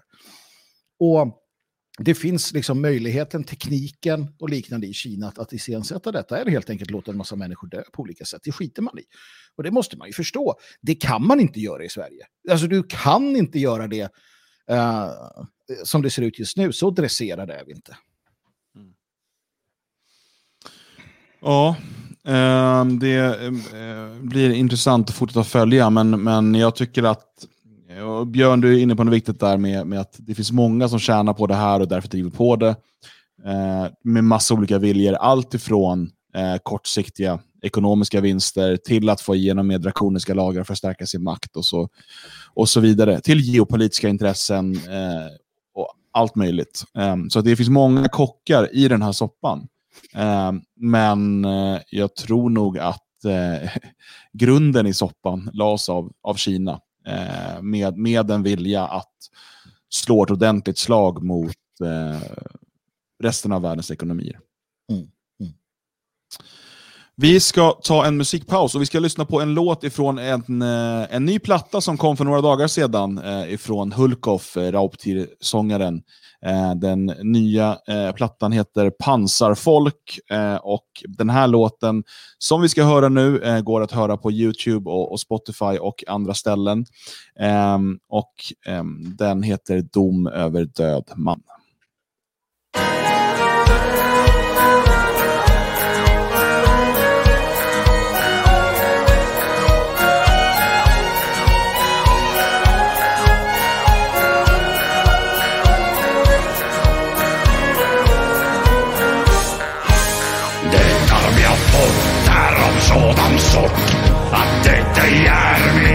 Skänka bort. Ej blott ett arv, och ett lån ifrån han väder, ifrån min son. En plikt har följt med min gåva. Jag skall bevaka med liv och lem all helig mark som utgör vårt hem. Ty jag är bunden av blod och god till att förvalta min skog och jord. Ty så är svuret och lovat. Frö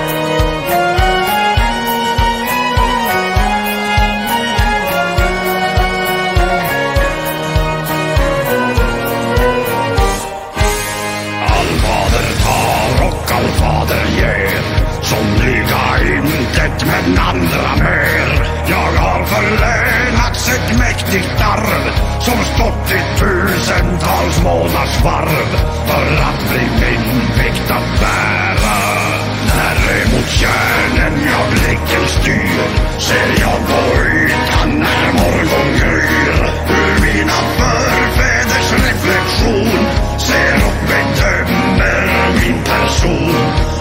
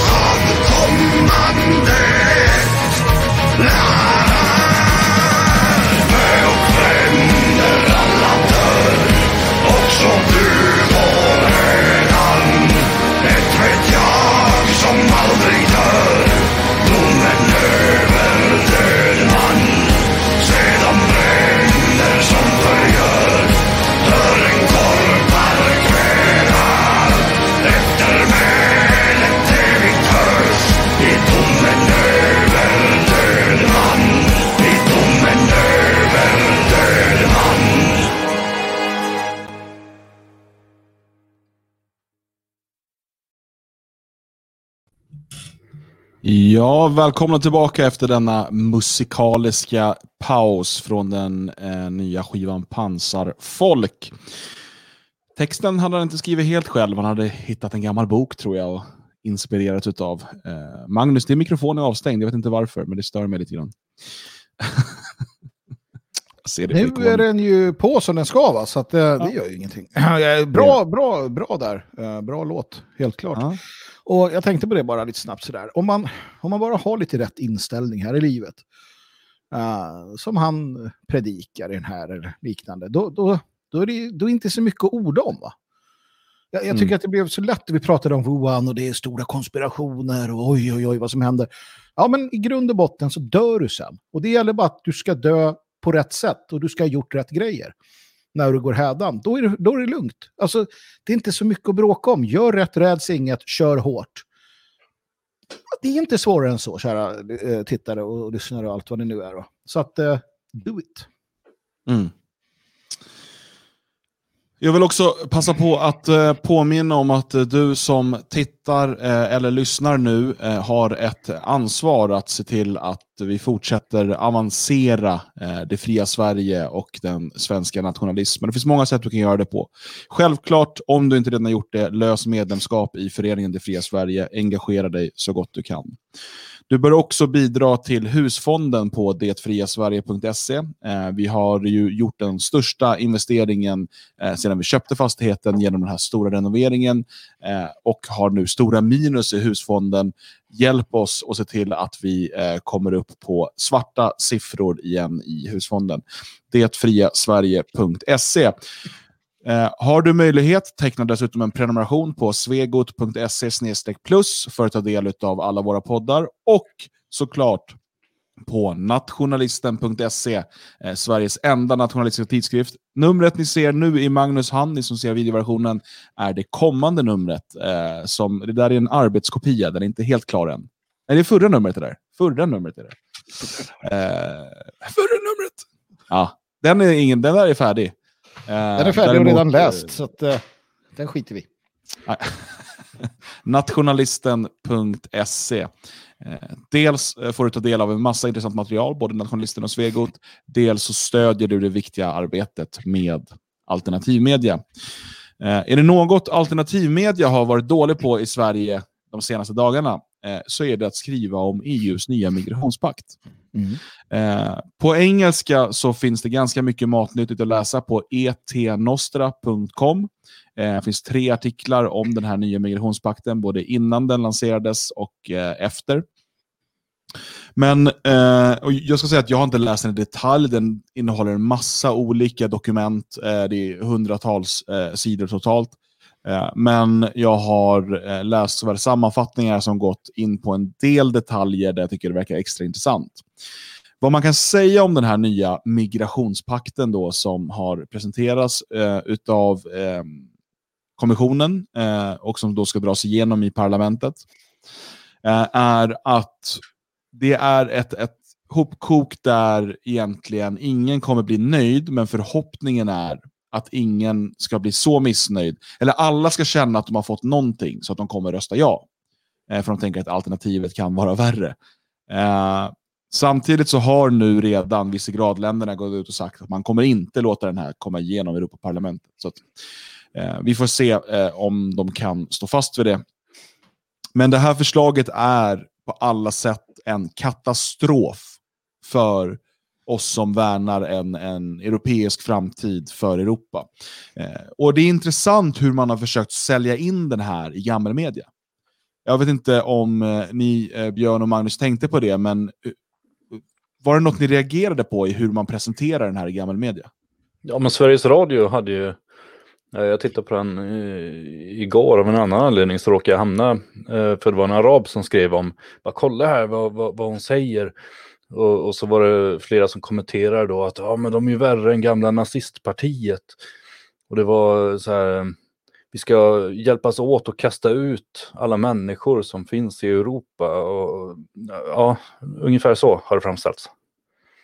Mm. Alltså, huvudpoängen har varit att fler ska återvända. Alltså, det har presenterats i rubriker och ingresser, för den som inte läser mer än så eller tar reda på mer information sen, med, som att det här är ett stort återvandringsprogram för eh, asylsökare i Europa. Eh, och, och sanningen är att, att det absolut inte är det. Tvärtom så är det här ett sätt att, att öppna upp Europas gränser och dessutom tvinga på de få eh, etniskt homogena länder som finns kvar eh, den här eh, massinvasionen genom att eh, lägga in eh, paragrafer om kristillstånd. Där EU kan säga att nu är det kristillstånd, som till exempel 2015, och då tvinga medlemsstaterna eh, att ta emot asylsökare. Mm. Eh, sådana som då tidigare kunnat säga nej, som Polen och Ungern och andra. Så det, det är en bit av det. Och hela den här grejen om återvandring och så vidare som de pratar om, det enda det handlar om är att det ska finnas en snabbare process när man får avslag. Mm. De som inte har asylrätt ska snabbare kunna eh, skickas tillbaka. Mm. Eh, och dessutom ska man kunna få sitt asylärende prö- prövat i sitt hemland. Man ska alltså inte ens behöva ta sig till Europa. Utan det ska räcka med eh, att eh, i stort sett, eh, exakt hur man ska genomföra det här är inte riktigt klart, men eh, ett alternativ är ju att öppna upp någon typ av attachéer eh, i typ Libyen och Syrien och så vidare, dit man kan komma och ansöka om asyl. Om ett tag kanske man bara kan göra det på nätet. Eh, vilket såklart skulle eh, öka massinvandringen, för då ska man dessutom EU då flyga hit de personerna sen. Men det, det är ju det här man har pratat om. eh, och, och det är det man får igenom. Säkra vägar. Mm. Det ska inte dö folk på Medelhavet och så vidare. Det finns ju några som tycker att man ska hjälpa dem på plats. eh, och sen finns det idén om då säkra vägar. Och det är det du sa, att man, man helt enkelt chartrar plan och flyger hit dem. Eh, en efter en efter en. Eller ja, i, i, i lasser. Och det är det man är ute efter. Eh, och, och just det här att... Ja, men, i Sverige ska vi också ha snabba avvisningar. Det, alla riktlinjer säger ju att om du får eh, nej, då ska du ut. Det, det, ju, det står ju. Det är det man har sagt. Men det spelar ju ingen roll. Det spelar ingen roll vad de säger, det är vad de gör. Och, och det är jättetydligt att det här är ett sätt att just få in mer, fler personer. Um, och, och man diskuterar väl alla möjliga, jag, jag läste någonstans att Dublinförordningen skulle man slänga på soptippen. Precis, det här ska, det här ska ersätta Dublinförordningen. Uh, och den har ju, för den hade väl problemet med att sådana som vi kunde säga att ja, men de första säkra länderna. Uh, vilket fick eh, till exempel problem för Grekland. Då, då. Men då kan vi säga, ja men nu är det inte så längre, utan nu kan du gå in och så, så kan du gå till ditt smörgåsbord där, i Norge, Danmark, Sverige och sådär. Så söker man och sen så blir man hit, hitkörd. Alltså det är så jävla dumt. Men jag tänker också att ta den här överenskommelsen och sen så lägger du den bredvid det här vi pratade om förra gången mot rasism och främlingsfientlighet. Och då får du en perfekt storm. För man förbjuder i princip möjligheter att kritisera det här med hårdare lagstiftning, med, med mer attacker eh, mot de som gör det, med förbud av rasism. Eh, och det vet vi ju vad det är. Det är vad de tycker är rasistiskt. Så att, så att man, man bygger ett... ehm, man bygger ett litet eh, korthus, vågar jag inte säga, det är nog stabilare än så, eh, som, som går ut på att, att fortsätta med folkutbytet, som är det man strävar efter, av olika skäl. Mm. Och ehm, arkitekt, åtminstone nominellt, bakom denna nya eh, migrationspakt är alltså Ylva Johansson. Eh, Socialdemokraten Ylva Johansson. Bara så man förstår. Om någon funderar på vad finns det för eh, åsikter och agenda där bakom. Eh, nu kan det finnas betydligt, eller nu, vi, vi kan ta för givet att det finns betydligt mäktigare människor bakom Ylva Johansson som har saker att säga till om här. Men den som tror att Ylva Johansson skulle ta eh, arbete i Europakommissionen för att skriva ett återvandringsprogram eh, känner inte den svenska socialdemokratin 2020 speciellt bra. Mm. Eh, utan det, och, och- och jag tycker att det är intressant hur media har valt att sälja in det här. Alltså för det känns, det känns och jag, jag ska inte bli för konspiratorisk nu, men det är lätt att känna att det är orkestrerat. För alla körde på samma linje. Och eh, jag såg ju hur Sverigevännerna eh, på Facebook skrev Äntligen! Återvandringen börjar! Så, ni har ju inte läst någonting. Eh, och, och, och, och det är det som är meningen. För att människor ska tro. Och eh, frågar du, frågar du tio personer, och åtminstone inte tio personer som läst tidningen, så fråga hundra personer, eh, så kommer nio av dem att säga att ah, det, där, det var väl något att fler skulle återvända. Va? Det var väl Mm. det som var. Va? Ja, det är klart. Det är klart. Alltså, man lever ju på att befolkningen är eh, oallmänbildad. Att befolkningen inte eh, gräver ner sig och grottar ner sig. Vi tillhör ju en, en liten minoritet, vi som, som gör det. Um, men eh, det är också minoriteter som förändras. Så att det, det är som det alltid har varit någonstans. Att det, är som, det som folktribunen skriker från eh, liksom, balkongen, de få som lyssnar och hör, det är de som sen går hem och gör något åt det. Men det är ju sorgligt, framförallt för oss. Man, man, man, ja, nej, man, man, blir, man blir trött helt enkelt. Men det är bara att fortsätta slå huvudet i väggen.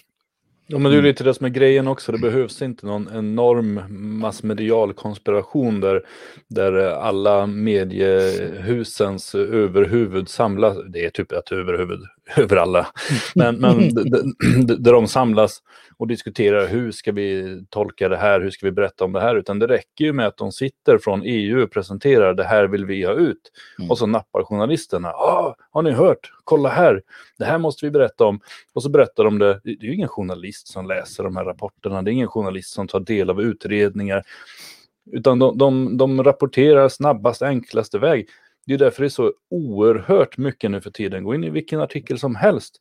Och, och journalisterna kommer förr eller senare i artikeln när det handlar om eh, nyheter och så här, så ja, det är även en folklig storm och så hänvisar de till Twitter. För det är där Mm. de bedriver sin journalistik nu för tiden. De sitter inte och går igenom saker, eh, djupgranskar någonting. Sen finns det ju redaktioner för sånt också, men, men, men det är så pass få som läser de tidningarna och de Alltså typ Fokus är en sån tidning som gärna går lite mer på djupet, men det är en ganska liten tidning som få läser och den når inte ut speciellt långt. Vill de nå ut stort, då får de också köra någon klatschig rubrik som de andra tidningarna hakar på och missförstår och skriver någonting kort om. Så att det är ju jättelätt att få igenom precis vad man vill i och med att de som ska granska makten bara återger vad makten ger dem. Men du, du ser ju också till exempel hur, eh, hur flera sådana här, jag vet inte om det var hon, eh, den där kärringen i Aftonbladet, eh, eller andra som, som liksom på opinionsplats då, för det är mycket där det sker, nyhetsartiklar är en sak, opinionen är en annan sak, men där de går ut och säger, ja det här var inte bra, gud, vad, nu, har, nu har EU blivit hårt. Och det är för att hon tror det själv. Och det är för att de människorna skriver det här utifrån en ETC-kolumnist som säger, ja men gud vad hemskt, för hon eller han har sett rubrikerna. Och, och utifrån det så tycker personen i fråga. Eh, jag skriver ju också opinionsbildande. Jag försöker ju faktiskt ta reda på vad fan jag ska skriva om innan jag börjar tycka. Men det gör man inte längre och man har blivit lat för att man, man får jättebra betalt från de här tidningarna som rapar upp samma skit hela tiden. Det finns inget krav på, på liksom att, du, att du har stringens eller att du har, har fakta. Det, det gör det inte. Så att det är det också, som sagt, och jag tycker man ska ta det som Björn sa, det behövs ingen stor konspiration för att få det. Dumhet plus lathet plus att du redan tycker en viss sak. Det räcker, för de här är lika dumma som de alla, alla andra som är dumma. Mm. Och jag tyckte det var ganska talande, jag såg den här presskonferensen live, vilket var eh, en pina kan jag säga. Eh, men jag kände att det ändå var min plikt någonstans. Um, inte minst för mitt arbete med, med Europa Terra Nostra. Uh, men eh, innan Ylva Johansson uh, klev uh, upp framför mikrofonen så stod ju kommissionens vicepresident Kinas, ehm, han är inte från Kina utan från Grekland, och presenterade det hela. Och han sa något väldigt intressant då. Och jag, jag, jag kan inte den exakta formuleringen i huvudet, men, men det han sa var att det här måste då ersätta Dublinförordningen. För Dublinförordningen var skapad för en liten migration och inte det som vi har nu eller förväntar oss i framtiden. Mm, mm. Alltså det han säger rakt ut är att det vi har är massinvandring. För det brukar ju vara eh, så här, nu har finns ingen massinvandring. Eh, han säger rakt ut, och att vi ska förvänta oss att, eh, så som jag tolkade det, ännu mer. Alltså mer än vad vi har just nu. Eh, och därför behövs det nya eh, regleringar på plats. Dels för att tvinga, vad man kallar då, de kallade det, kallar det tvingande solidaritet eller något sånt där, tror jag. Mm. Eh, vilket är en kul, ett kul uttryck. Eh, för att då få ut dem i, i hela Europa och se till att inte ett enda land kan fortsätta vara europeiskt. Eh, och eh, dels då för att eh, se till att de här inte blir eh, placerade, kanske i hans hemland och Grekland, som det är mycket nu, Lesbos och så vidare. Eh, utan att de direkt då via eh, EU sprids ut över hela, eh, över hela unionen. Sen står det ju också, om jag bara lite snabbt får hoppa in här, för det tyckte jag var väldigt intressant som, som står här. Um, när, man, de, de plockar just fram det här med att ja, man ska kunna söka eh, även utanför, man ska kunna på så sätt plockas in. Men sen ska de ju ändå ha stationer där de tar in människor som antingen har tagit sig in illegalt eller som har blivit räddare till havs. Så man utgår ju från, alltså det här pratet har ju varit hela tiden från sossarna i Sverige i alla fall, att nu måste vi skapa säkra vägar så att folk inte flyr över havet. Men man utgår nu ifrån att man kommer ha säkra vägar där folk kan söka asyl, men folk kommer ändå fly över havet. Och då ska de också tas emot. Mm. Så, så det, det, det, man gör är ju att man bara skapar ännu fler vägar in till eh, Europas välfärd. Mm. Och det står också uttryckligen där, alltså människor som flyr eller söker ett bättre liv. Uttryckligen. Alltså, i, så, så, det är ju inte ens fråga längre om att vi måste hjälpa människor som flyr för sina liv, utan vi ska hjälpa människor som vill få det lite bättre. Mm. Mm. Ja, då är vi i Jean Raspels bok, då är vi ju i de här människomassorna som vill ha det lite bättre. Och jag menar, återigen, jag har sagt det förut, man, om man vägrar fatta konsekvenserna av det, vad är lite bättre än att bo i Atlasbergen i Marocko eller att eh, eller Tunisien är det kanske. Eller vad, vad är lite bättre än att, att uh, bo i en förort i Mogadishu? Vad är lite bättre än uh, allt det som många människor lider under? Och jag lider. Ja, många människor lider, är fattiga, har det eländigt, är i, i förtryck och, och, och, och all djävulskap. Uh, hur illa ska det bli i Sverige innan man tänker äh, vad fan, jag stannar kvar hemma i, i eh, liksom, mörkaste Afrika. Det är lite inte bättre att komma till Sverige. Hur illa ska det bli? Alltså, ingen kan förstå hur jävla illa det ska bli i väst innan de här säger nej, nu skiter vi mm. Så vill jag då också återupprepa eh, den statistik som jag eh, så gärna vill återupprepa och som jag eh, har skrivit om i Eh, bland annat eh, en skrift som finns på butik.friasverige.se, Demografins verklighet. Eh, till FN räknar i sina prognoser, och det är inte i deras mest spektakulära prognoser utan deras moderata prognoser, med att Afrika kommer att ha fördubblat sin folkmängd till år 2050 från hur de var 2015. Så den är på gång. Och till år 2100 räknar man med att man återigen har fördubblat sin folkmängd. Alltså en fyrdubbling från var man är ungefär nu. Fyra gånger så många afrikaner på den afrikanska kontinenten, ska sägas. Vi pratar inte resten av afrikaner, resten av Europa. Man räknar med även att Asien fördubblar sin folkmängd under den här tiden. Man räknar att Europa med nuvarande invandring ändå kommer backa någorlunda fram till år 100. Föreställ er bara de vägar man nu sätter upp, där att du söker lite bättre liv eller har låg IQ är ett skyddsskäl. Då, eh, och när Afrika fördubblar sin folkmängd, 2050, det är om 30 år. Har vi tur är alla vi tre fortfarande i livet då. Våra barn eh, kommer precis liksom ha kommit ut i vuxenlivet, bildat familj och så vidare våra barnbarn eh, är nyfödda eller kanske inte ens är födda än. Det är så nära i tiden. Då har Afrika fördubblat sin folkmängd mot vad man är idag.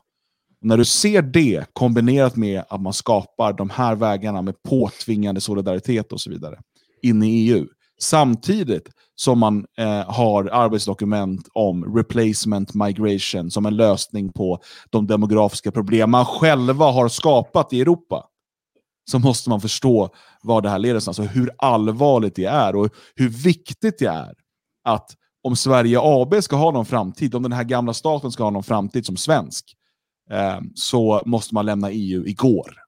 Mm. Alltså att vara kvar i EU eh, är, är, som, det är inte förenligt med svensk överlevnad. För att det här kommer drivas igenom i ett, liksom, på ett sätt eller ett annat. Eh, man, man kommer köra över Visegradländerna, man kanske kommer göra små, små kosmetiska ändringar, kanske får de något tioårigt undantag. De hittar alltid vägar att få igenom där. Det här har man jobbat på länge. Dublinförordningen håller inte längre. Eh, och nu ska man hitta sätt att, att vrida upp volymen, vrida på flödet utav afrikaner och araber in i Europa. Det är vad man har på driver igenom i EU nu. Idag har vi i Sverige AB inte ett enda parti i riksdagen som vill lämna EU. Ta in det. Förstå vilken allvarlig situation det är. Afrika fördubblar sin folkmängd. EU öppnar gränserna, påtvingad solidaritet. Alla riksdagspartier, vi vill vara kvar i EU. Det är den situation vi är i idag. Mm. Ja, det, är bara, det är bara att suga i sig det och göra något åt det, som sagt. Uh, om det är någon där som sitter och säger, men nu var ju Dan svartpillrande. Så...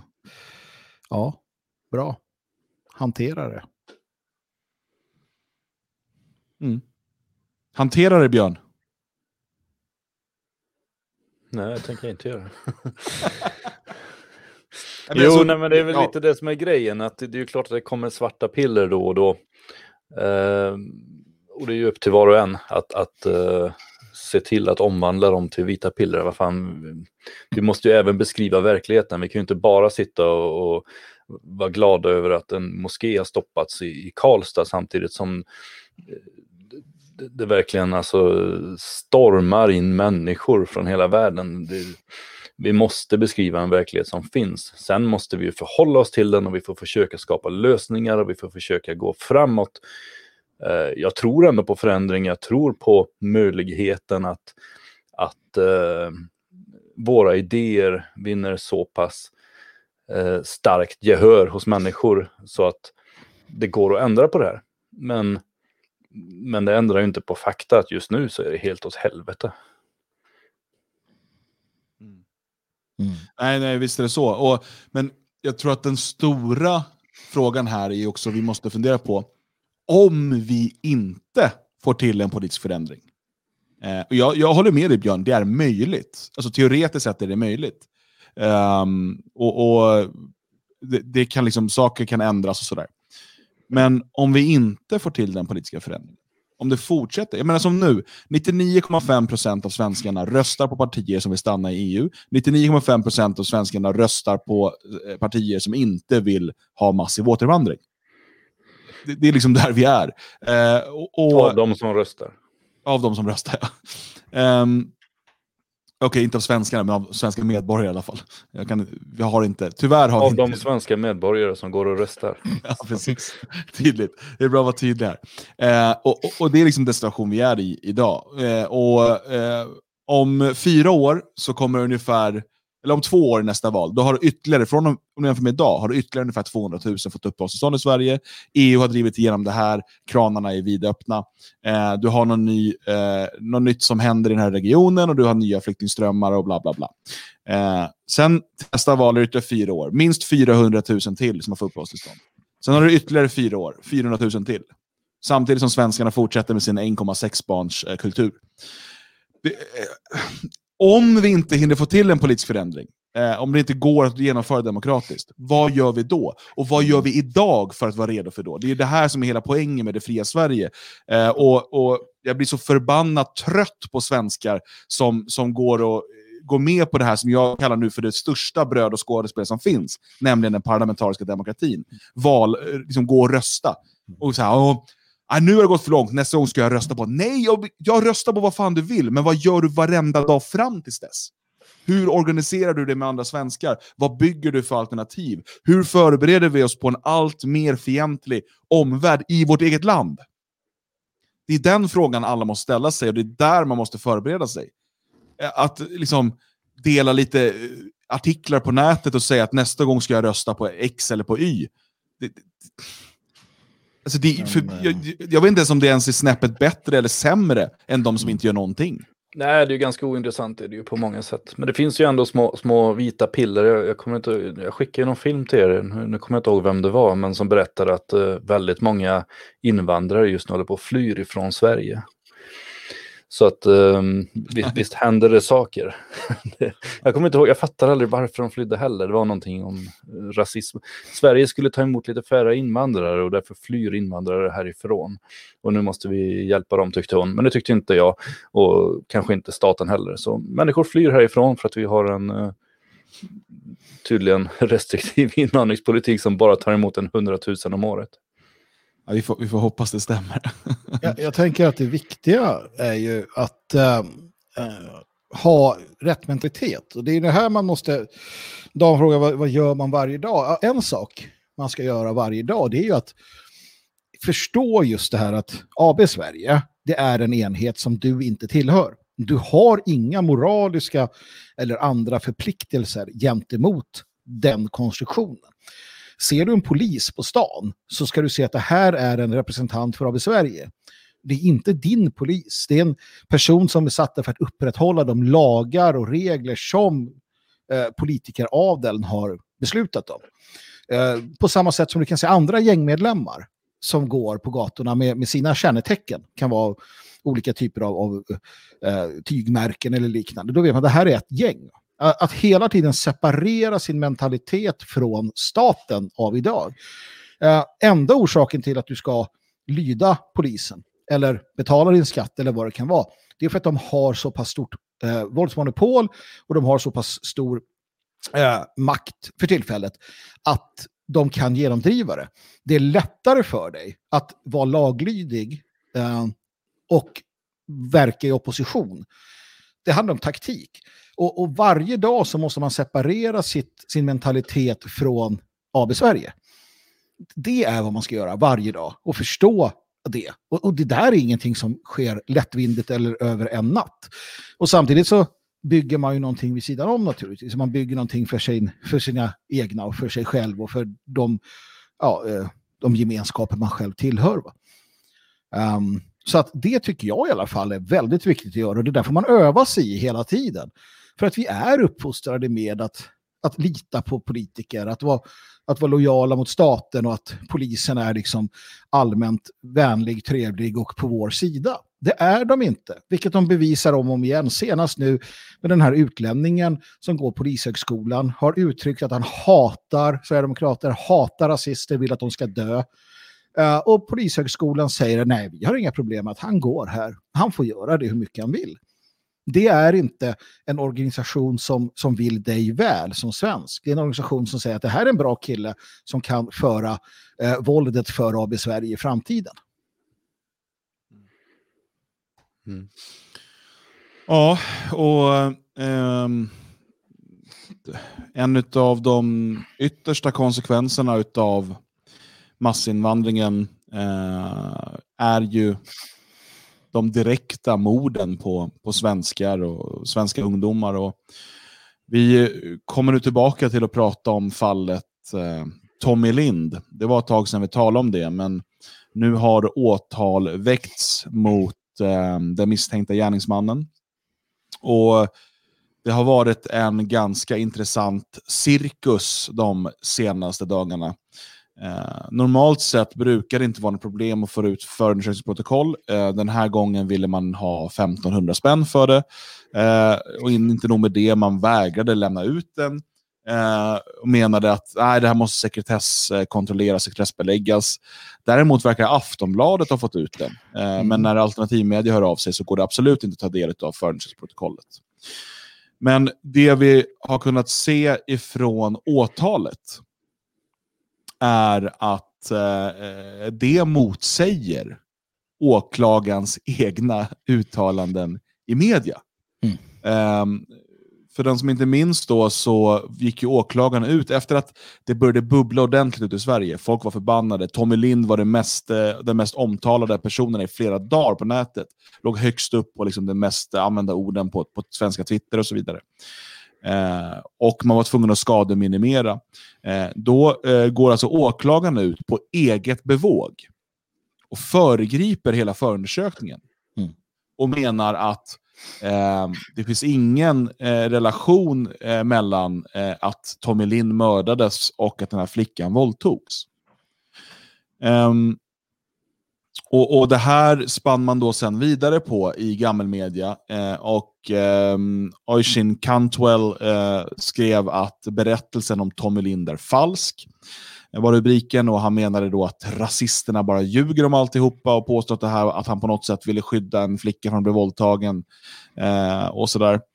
Eh, och att det här är helt enkelt inte sant. Eh, men när man läser eh, åtalet, eh, åtalspunkten, så står det bland annat så här då. Brottet bör bedömas som grovt eftersom att den misstänkte har utsatt, eh, utsatt målsäganden för ett upprepat sexuellt övergrepp under allvarligt hot och att det skett i direkt anslutning till att han huggit ner Tommy Lind som låg allvarligt skadad. Mm. Och eh, jag menar, vi diskuterade det här när åklagaren var ute och, och, och svingade och sa det att ja, alltså på ren liksom, ju, juridisk eh, fikonspråk så kan man mycket väl säga att det är två separata händelser. De sker ju inte samtidigt. Nej, men det var ju viktigt för, och det ser man ju, det som var viktigt för polisen, äh, återigen, och för åklagaren, återigen, det som var viktigt initialt. För man vet att det är då det är då det är som viktigast, för att reaktionerna man riskerade var liksom, jag kan tänka mig att de satt där och tänkte shit, Salem igen, eller liknande. Och då måste man göra någonting för att slå split. Och det man gör är att man går ut och säger det. Jag läste i princip så att ja, eh, det hände hemska saker där, men vi vet att Tommy Lind inte försökte avstyra någon våldtäkt. Det, det, mm. det gjorde han inte. Och så vidare. Uh, vilket vi då ganska snart visste att jo då, det gjorde han visst det. Um, så att, så att uh, de snodde ju så att säga narrativet direkt. Um, och, och, vi ser också hur Aftonbladet, tror jag det är nu, Expressen säkert också, fortsätter att hänvisa till Tommy Linds familj. Mm. Och, och, fortsätter att publicera uttalanden som har ett par månader på nacken. Uh, och som faktiskt genom en okulär besiktning, jag ska inte säga att familjen har tagit ställning på det sättet, men uh, jag tror inte att de uh, skulle uttrycka sig på samma sätt som när de chockade, ledsna, ja, helt förstörda efter det som har hänt och den tragedi som har drabbat dem eh, får någon förbannad eh, mediehora upp i ansiktet som kommer och kräver ursäkter och hotar säkerligen. Vi vet hur de fungerar, de här avskummen. Vi vet hur de är. Mm. Eh, så att man fortsätter ju detta och, och, man gör ju det med ett skäl och det är att, eh, att dra Tommy Linds namn i smutsen. Det är för att försöka att uh, framställa det här på ett sätt som inte är sant. Det är deras medvetna, högst medvetna strategi. För de vet precis som vi att de har fel, men de gör det medvetet. Det ska vi komma ihåg. De namnen som står till de artiklarna, de åklagare och poliser som driver detta aktivistiskt, aktivistiskt, de är en del av AB Sverige. De är en del av ett, ett gäng som har oss som fiender och de hatar Tommy Lind. Mm. Ja, man ska säga det då att eh, eh, Tommys föräldrar vart ju utsatt, ut, alltså de här hyenorna i media, vad de, vad de utsatte Tommys föräldrar för. Eh, och hur eh, eh det tryck man satte på dem att ta avstånd och så vidare. Eh, vi som eh, var med då minns ju hur, hur, man jagade Daniel Redströms familj och släktingar eh, på, på samma sätt. Och, och, det man fått berättat för sig där är ju, därifrån, det, alltså det, det är så ovärdigt. Och, och mm samma eller liknande saker utsatte Tommy Linds eh, föräldrar för. Tommy Linds pappa däremot har ju senare, eh, det var några veckor efter det där uttalandet i, i media, så, så gick han ut och sa att jag, jag orkar inte med det här längre, den här typ, alltså, eh, ja, hur, hur de beter sig mot oss. Jag tänker nu vara helt ärlig med vad jag tycker och tänker om det här. Mm. Eh, så att det uttalandet som de fortsätter citera är ju inte längre giltigt, utan det är att jämföra med, med liksom ett, ett erkännande under tortyr. Mm. Mm. Eh, och, och, där man då senare har gått ut och, och dragit tillbaka det. Eh, Men vi har ju också... så ska vi säga då, och det här, för det här är offentligt så det är ingenting som vi behöver eh, hålla hemligt.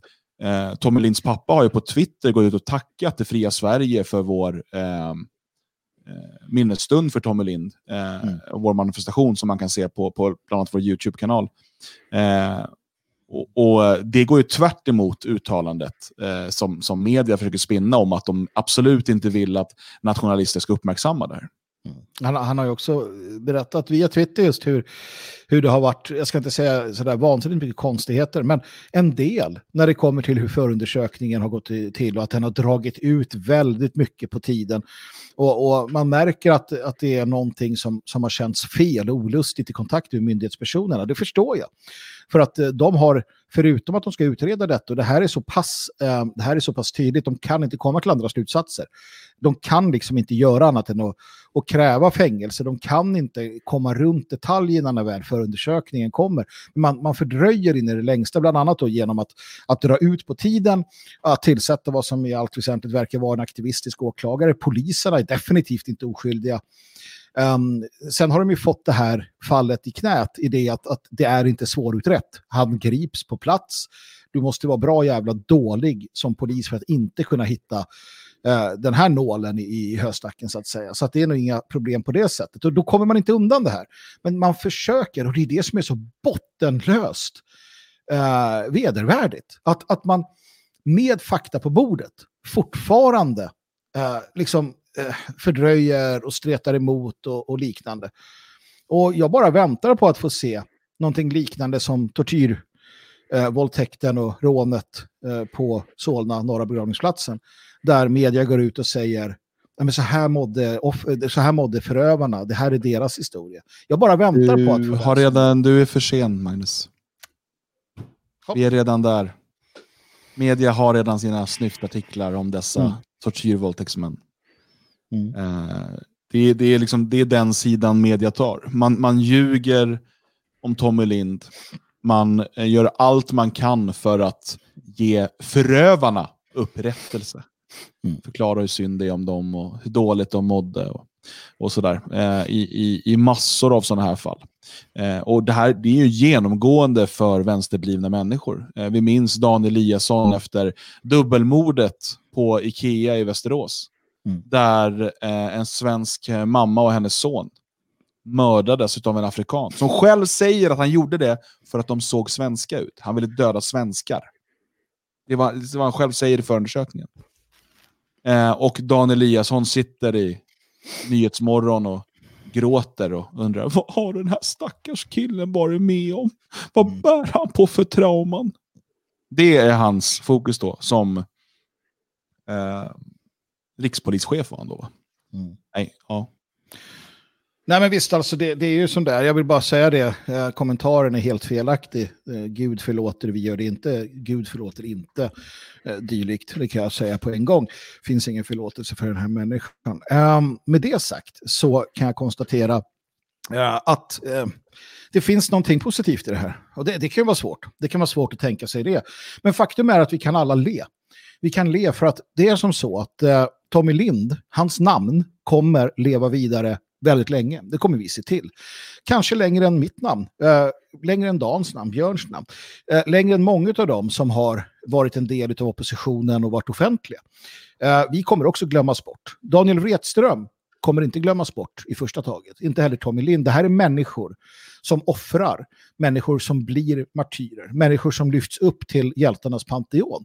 Eh, det är människor som lever vidare på ett sätt som få kan eh, ens drömma om. Um, precis i, i uh, överensstämmelse med uh, orden från Eddan om uh, den som ett gott eftermäle har vunnit. Um, därtill så gör han det på ett sätt som uh, faktiskt alltså förtjänar det på ett sätt. Vi, vi, vi kring martyrer och, och hjältestatus så brukar det broderas en del. Det, det, det, får vi erkänna. I det här fallet så är det inte så. Tommy Lind gjorde det som jag tror att många av oss önskar att vi kunde få göra någon gång i vårt liv. Det vill säga ställa oss emellan. Ta den här äh, striden på riktigt i köttet. Att få vara den som säger hit men inte längre. Att vara den som kliver fram. Eh, även om det är döden som är eh, slutmålet. Här handlar det ju lite om hur man har inställning naturligtvis. Vissa kanske tycker att jag låter som en fullständig idiot. Det får stå för er. Men att få dö för folk och land, för att få rädda någon, för att försöka gå emellan. Det är den största äran jag kan tänka mig. Det är bara så. Och ju fler som tänker så, desto bättre blir det naturligtvis. Så därför, Tommy Lind, han eh, kommer leva för evigt. Det är inte, inte mer med det. Långt efter att vi alla är borta så kommer Tommy Linds namn bäras vidare av generationer av svenska nationalister och europeiska nationalister, vita människor. Och sen Cantwell, Och de här övriga, poliserna gör utredningen, den här åklagaren, jag vet inte ens personens namn, de kommer försvinna.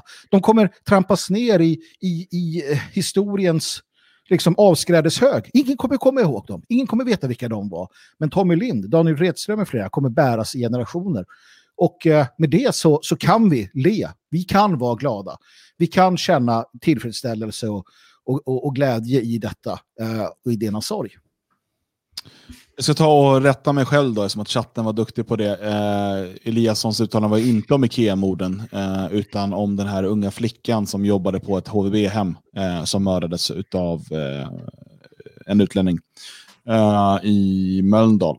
Eh, men principen är densamma. Eh, det är liksom det här vi hör.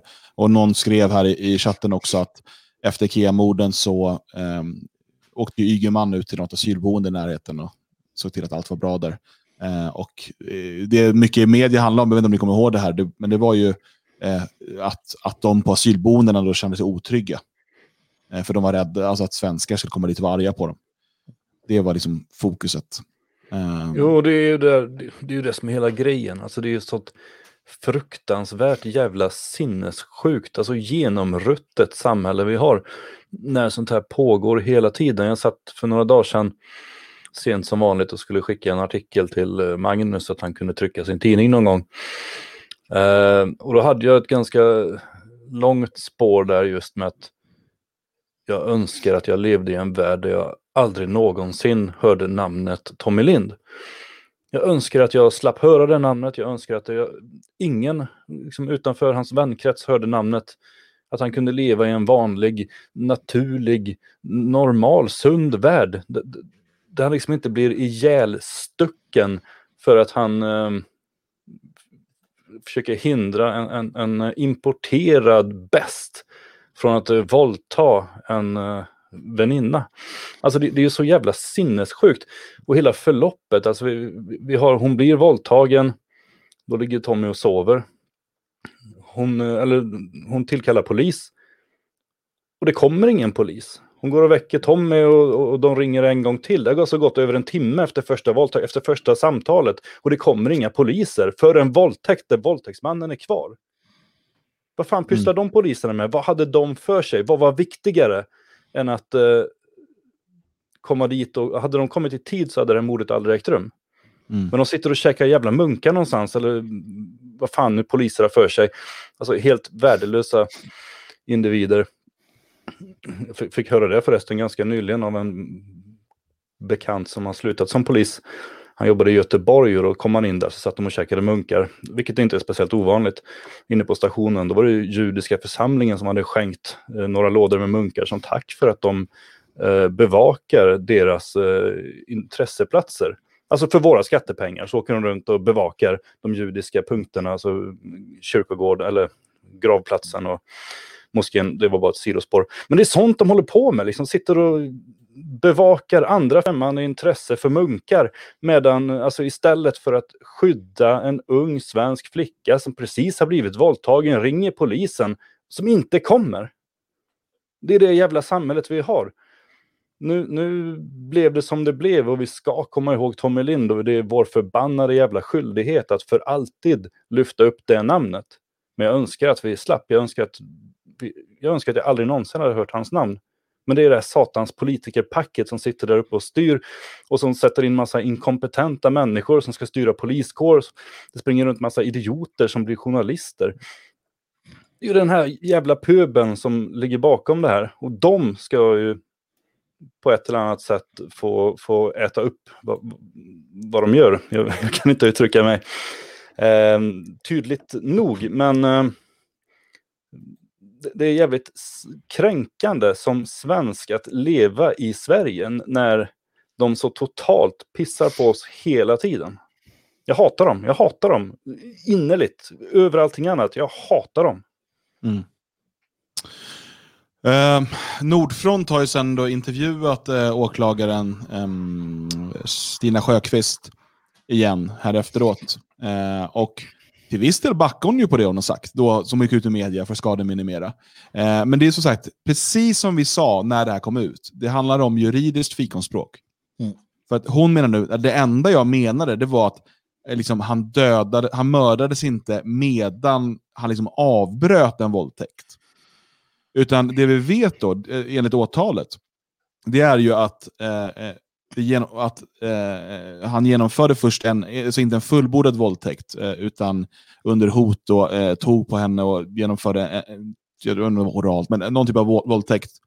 Eh, och då sov Tommy. Sen väckte hon Tommy och hon berättade ju för Tommy om det här.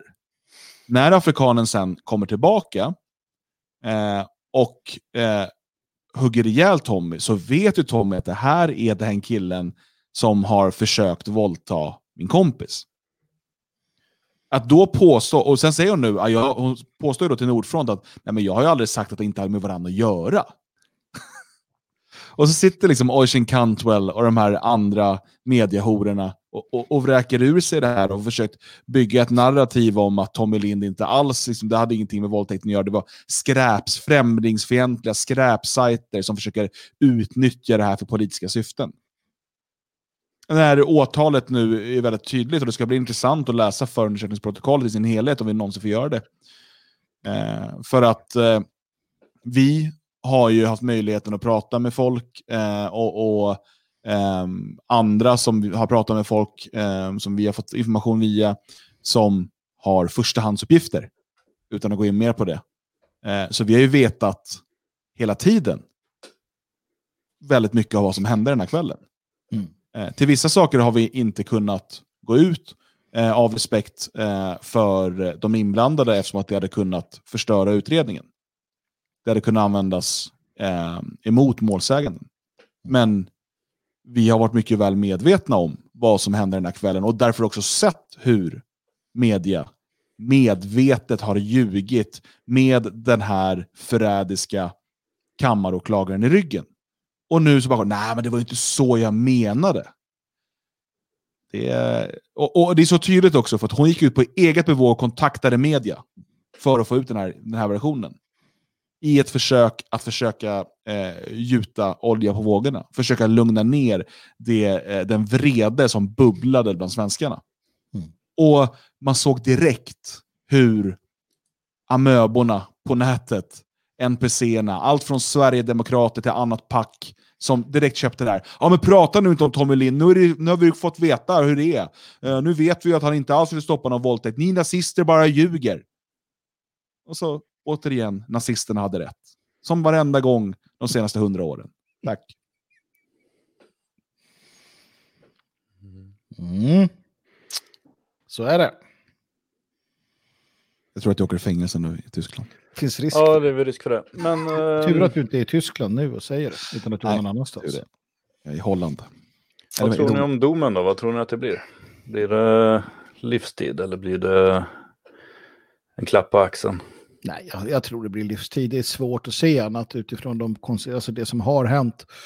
Uh, livstid eller ett väldigt långt fängelsestraff, troligtvis med någon form av utvisning som aldrig kommer genomföras. Nej, han är ju svensk medborgare. Jag säger det också, ja. Ja, ja. ja, men då, ja men då, ett långt fängelsestraff, kanske utvisning. Men det finns ju alltid att man tar, eh, tok, tok, drar tokkortet, vilket eh, och advokaten har rätt att göra med att säga att han är sinnessjuk.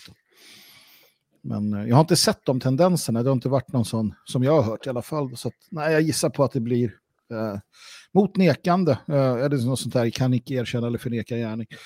Eh, livstid eller något långt fängelsestraff.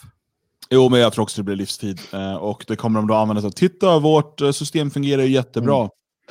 Mm. Han fick, han fick ett, rätt, ett rättmätigt straff och det har han inte fått. Det spelar ingen roll hur många år han sitter i fängelse så är det fortfarande inte ett rättmätigt straff. Nej. Så... Nej. Um, men uh, ja, vi kommer få återkomma när vi har fått ta del av hela undersökningsprotokollet. Um, men uh, återigen, lögn, förbannad lögn och media. Mm. Det, det, vi måste göra är att uh, fortsätta med hans namn i Tommy Lind. Fortsätta skriva det, fortsätta prata om honom. Uh, och sådana som honom. Uh, Armin Aspirikes, Daniel Redström. Um, för det är så, och det fungerar så, att det är när vi pratar om dem som de, som de lever upp igen, så att säga. Det är det enda sättet för oss här att, att ta och få kraft utav det. Så, så det ska vi göra och vi ska, vi ska fortsätta med det. Ja, och vi ska från det fria Sveriges eh, och Svenskarnas hus håll i alla fall se om vi kan komma på ett bra sätt att inte bara hedra eh, Tommy Lind naturligtvis, men, men de personer som vi, vi har. Och vi, vi gör en viss skillnad mellan eh, aktiva nationalister, alltså folk som är nationalister, och folk som bara råkar illa ut. Eh, det finns en skillnad där, i alla fall för mig och jag vet att Dan resonerar och Björn likadant. Eh, så att de som är nationalister och de som ehm, på grund av det eh, blir martyrer, för det är vad det handlar om, ska också uppmärksammas på ett speciellt sätt. Och det, det ska vi tänka vidare på hur man kan göra här i Svenskarnas hus. Mm. Jag läste någonstans, så att jag inte läst förundersökningsprotokollet, men att han också då ska ha sagt i eh, förhör, eh, den här afrikanen, att Tommy Lind var rasist. Det är också intressant. Ska bli, som sagt, få ta del av hela det här så att vi kan gå verkligen på djupet i det. Men, och det är ju någonting han ska ha sagt ganska nyligen. Så det är mm. ingenting han har haft från början utan det, det, är någonting som har dykt upp på slutet. Advokaten har väl eh, mm. Mm. berättat att så här, så här ska du göra för att mm. ha en chans. Mm. För ingen sörjer ju en rasist. Mm. Nej, det vet vi. Kväll med Svegot är tillbaka nästa måndag eh, och sänder live 20.00 som vanligt. Redan imorgon kan du på svegot.se höra en podd från Svegot Plus med mig och Marcus Folin där vi pratar om motkultur i allmänhet och eh, datorspelet Heimat Defender i synnerhet. Eh, en eh, faktiskt väldigt intressant diskussion. Eh, för att lyssna på eh, Svegot Plus-poddar behöver man ju vara prenumerant på Svegot Plus. Så att du går in på svegot.se plus, eh, tecknar prenumeration. De första sju dagarna är gratis. Eh, annars kostar det 99 spänn i månaden. Eh, och då får man tillgång till hela arkivet med hundratals, om inte tusentals poddar. Och eh, bara från det här projektet med Svegot Plus finns det nu över 60 poddar poddar i olika ämnen där vi går på djupet eh, kring olika saker. Allt från historia till eh, politik till eh, populärkultur. Eh, svegot.se plus. Eh, på producentens begäran så kommer vi avrunda det här med att eh, se en film från aktionen eh, vid eh, Svenskarnas hus eh, där vi höll en minnesstund för eh, Tommy Lind. Det var ju så att vi höll en, en eh, ceremoni också inomhus eh, som vi valde att inte filma då vi höll den internt. Men vi hade också en utomhus och eh, vi avslutar på den och eh, på återhörande. Vi ses på måndag.